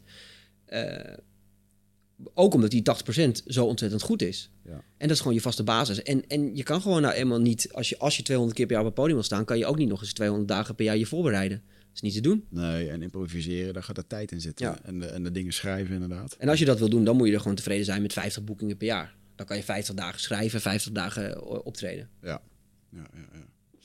Mooi man. Het is een, ehm, Ja, het, is een bijzo- het is een bijzonder vak. een bijzonder vak, Ja. bijzondere weg om te bewandelen. Maar ook wel echt bijzonder leuk. En eh, de reacties van het publiek, dat is toch hetgene wat je ook moet voeden uiteindelijk. Ja, dat, dat, de, dat, dat de, eh, een, een kick die eh, niet te evenaren is. En je merkt, dat- dat, overigens merk je dat ook wel eens bij sprekers, dat ze daar eh, dan... Je moet ook oppassen dat je daar niet verslaafd aan gaat worden, want het is ook een verslaving. Ja, schuldig. Eh, eh, Ja, ik bedoel, want het is natuurlijk de meest... eh, eh, het- je kan geen grote compliment hebben dat er 200 man gaan staan en voor je applaudisseren. Ja. En dat je al die oogjes ziet glinsteren van wow, wat een fantastisch verhaal. Dat is verslavend. Ja. Dus ook daar moet je... Ik heb ook wel eens tegen sprekers gezegd die eh, op het niveau zitten van 300 lezingen per jaar. Van joh, eh, ga voor de helft. Zeg je dan nou 300 lezingen per jaar? Oh ja hoor, ik ken wel sprekers die 300 Wauw. lezingen per jaar doen. Dat is echt bizar. Maar dat is dan wel eh, de- pff, serieus, hè? Ja, ja, ja. Die laten zich zelfs, eh, en er zijn sprekers in Nederland die dat doen, die laten zich zelfs in Nederland met helikopters van de ene naar de andere lezing toebrengen, omdat ze er vijf op een dag hebben. Ongelooflijk. Maar daar is ook, er zit ook wel een bepaalde verslaving achter. Ja, Want het is helemaal niet nodig. Want als je er e- eentje per dag doet, verdien je nog steeds eh, eh, vier keer modaal, zeg maar. Ja. Misschien wel vijf keer. Maar er zit een bepaalde drijfveer achter en een bepaalde verslaving achter. En daar moet je ook voor oppassen. Ja. Want dat kan je ook opbranden. Dat kan je privéleven kosten. Dat kan, dat kan heel veel eh, met je doen. Dus ik zeg ook wel even, joh, breng dat terug naar 150. Vergooi, verhoog je gage iets. Mhm. En zorg ervoor dat je ook nog een kwaliteit van leven hebt, uiteraard. ja, ja. Ja, ik had heel lang de, de droom van, oh, dat in Amerika, dat is ook vet. En dan daar spreken. Maar uiteindelijk ben je daar meer aan het vliegtuigen eh, dan, en aan het reizen. In Amerika is een toffe markt. Hè? Want als je in Amerika beginnen de gages vanaf 15 tot 20.000 dollar. Ja, Ik ken ook sprekers uit Nederland en België die soms toertjes doen in Amerika. En dat doen ze dan bijvoorbeeld voor eh, Ernst de Jong. Maar Ernst de Jong zit door heel Amerika. Ah. Dus die gaan dan langs alle steden. Maar in alle steden heb je een Ziggo Dome vol met klanten. Want dat gaat op dat soort volumes. En die krijgen dan per gig 30, 40.000 dollar. En dat doen, eh, komen ze even met een paar ton komen ze naar huis toe. Eh, en hebben ze een toertje in Amerika gedaan. Het is waanzinnig. Maar ja, eh, je moet er ook een bepaald type voor zijn. Ja, dat zou voor mij wel uit. Uiteindelijk wil ik dat wel, het internationale sprekersvak op. Maar dan zou ik het, ehm, eh, als ik dan tien keer per jaar in het buitenland kan spreken, Ja. dan is het eigenlijk al oké. Ja. weet je wel. Dus ik hoef niet eh, in Amerika te, te wonen daarvoor. Of, eh, Nou, wat ik heel leuk vind is, eh, ik heb eh Ferry Sandvliet, dat is die jongen die die aanslag van de Bataclan-aanslag heeft Mhm. overleefd. Die heb ik in het begin een beetje gecoacht, met, want die wilde graag zijn verhaal delen op het podium. Over, hè, over authenticiteit gesproken, waanzinnig een moeilijk verhaal. En, eh, Dit is het verhaal in het theater in België waar, of in Frankrijk waar toen mensen neergeschoten Precies, zijn. en- precies, ja. precies dat. En hij is een van de overlevenden daarvan. En hij heeft echt, hij, ja, goed, hij heeft bizarre dingen daarmee gemaakt en hij deelt zijn verhaal. Maar de essentie van zijn verhaal is van, joh, ik heb sowieso extreems meegemaakt, maar mijn leven is er alleen maar leuker door geworden. Ik heb een terroristische aanslag overleefd, maar ik heb het mooiste leven nu wat, wat nou, even eh, hè, in de notendop. Het, Mhm. het gaat veel verder. Maar hij wordt nu ook uitgenodigd in Amerika om zijn verhaal te vertellen. En hij heeft laatst een hele tour gedaan. Ja, daar ben ik onwijs trots op ook, omdat, het, eh, omdat ik hem dat ook heel erg gun. Ja. Omdat het voor hem ook een bepaald soort therapie bijna is geweest om dat, dat te, eh, te verwerken. Ja. En dan denk ik, wat een mooi vak is het. Ja, ja, te gek man. Oké man, dan gaan we hem afronden. Ja. Ik denk dat we alles wel een beetje hebben We besproken. hebben behoorlijk wat gehad. Tenminste, Ja. we hebben niet alles besproken, maar het grootste gedeelte. Als mensen met jou in contact willen komen, kunnen ze jou vinden op qualitybookings.nl. Vooral niet mailen en niet bellen. Gewoon niet doen. Meld vooral niet dat je bij Tony Robbins bent geweest. Nee joh, joh eh, ik, spreker heb mij, wordt. op mijn LinkedIn heb ik volgens mij gewoon mijn mailadres staan. En eh, je kan mij altijd een mailtje sturen. En op de, als je je aan wil melden als spreker, kan je dat gewoon bij ons op de website doen. Iedereen krijgt antwoord. Ja. Alleen, eh, ik moet wel heel ik zeggen, we kunnen maar met, met weinig mensen werken. Ja. Helaas. Maar eh, Ah, nou goed. daarvoor heb ik eh, een leuke podcastserie ontwikkeld. Zorg, dus, eh, dat je, zorg dat je bij Ja. die mensen kan horen met een Ah, en superleuk. Ik bedoel, jij staat inderdaad 20 september bij Business on Stage op het podium. Dat is natuurlijk het concept dat we laatst ge- gelanceerd hebben. Eh, er zijn nog wat kaartjes beschikbaar. Ja, ja, waar kunnen ze die halen? Ja, mag toch wel een beetje corny Ja, eh, zeker. verkopen, Ja, niet? zeker. Ja. Ik, weet niet, ik weet alleen niet of het ruim voor die tijd online komt. Want we hebben een beetje een backlog. Oh, Maar nou misschien ja. kan ik dat nog wel even naar voren duwen. Nou ja, anders dan, hoe heet het, er komt nog een nieuwe editie, maar daar sta jij dan niet. Dus dat is wel weer jammer dan. Maar goed, het raakt toch wel uitverkocht. Daar gaan we voor Dat zorgen. sowieso. Dan, eh, Hey, superleuk man, tof. ja, dankjewel dat je er was. Luisteraars, dankjewel. Tot de volgende keer. En tot bij de volgende eindbazen. Tot ziens.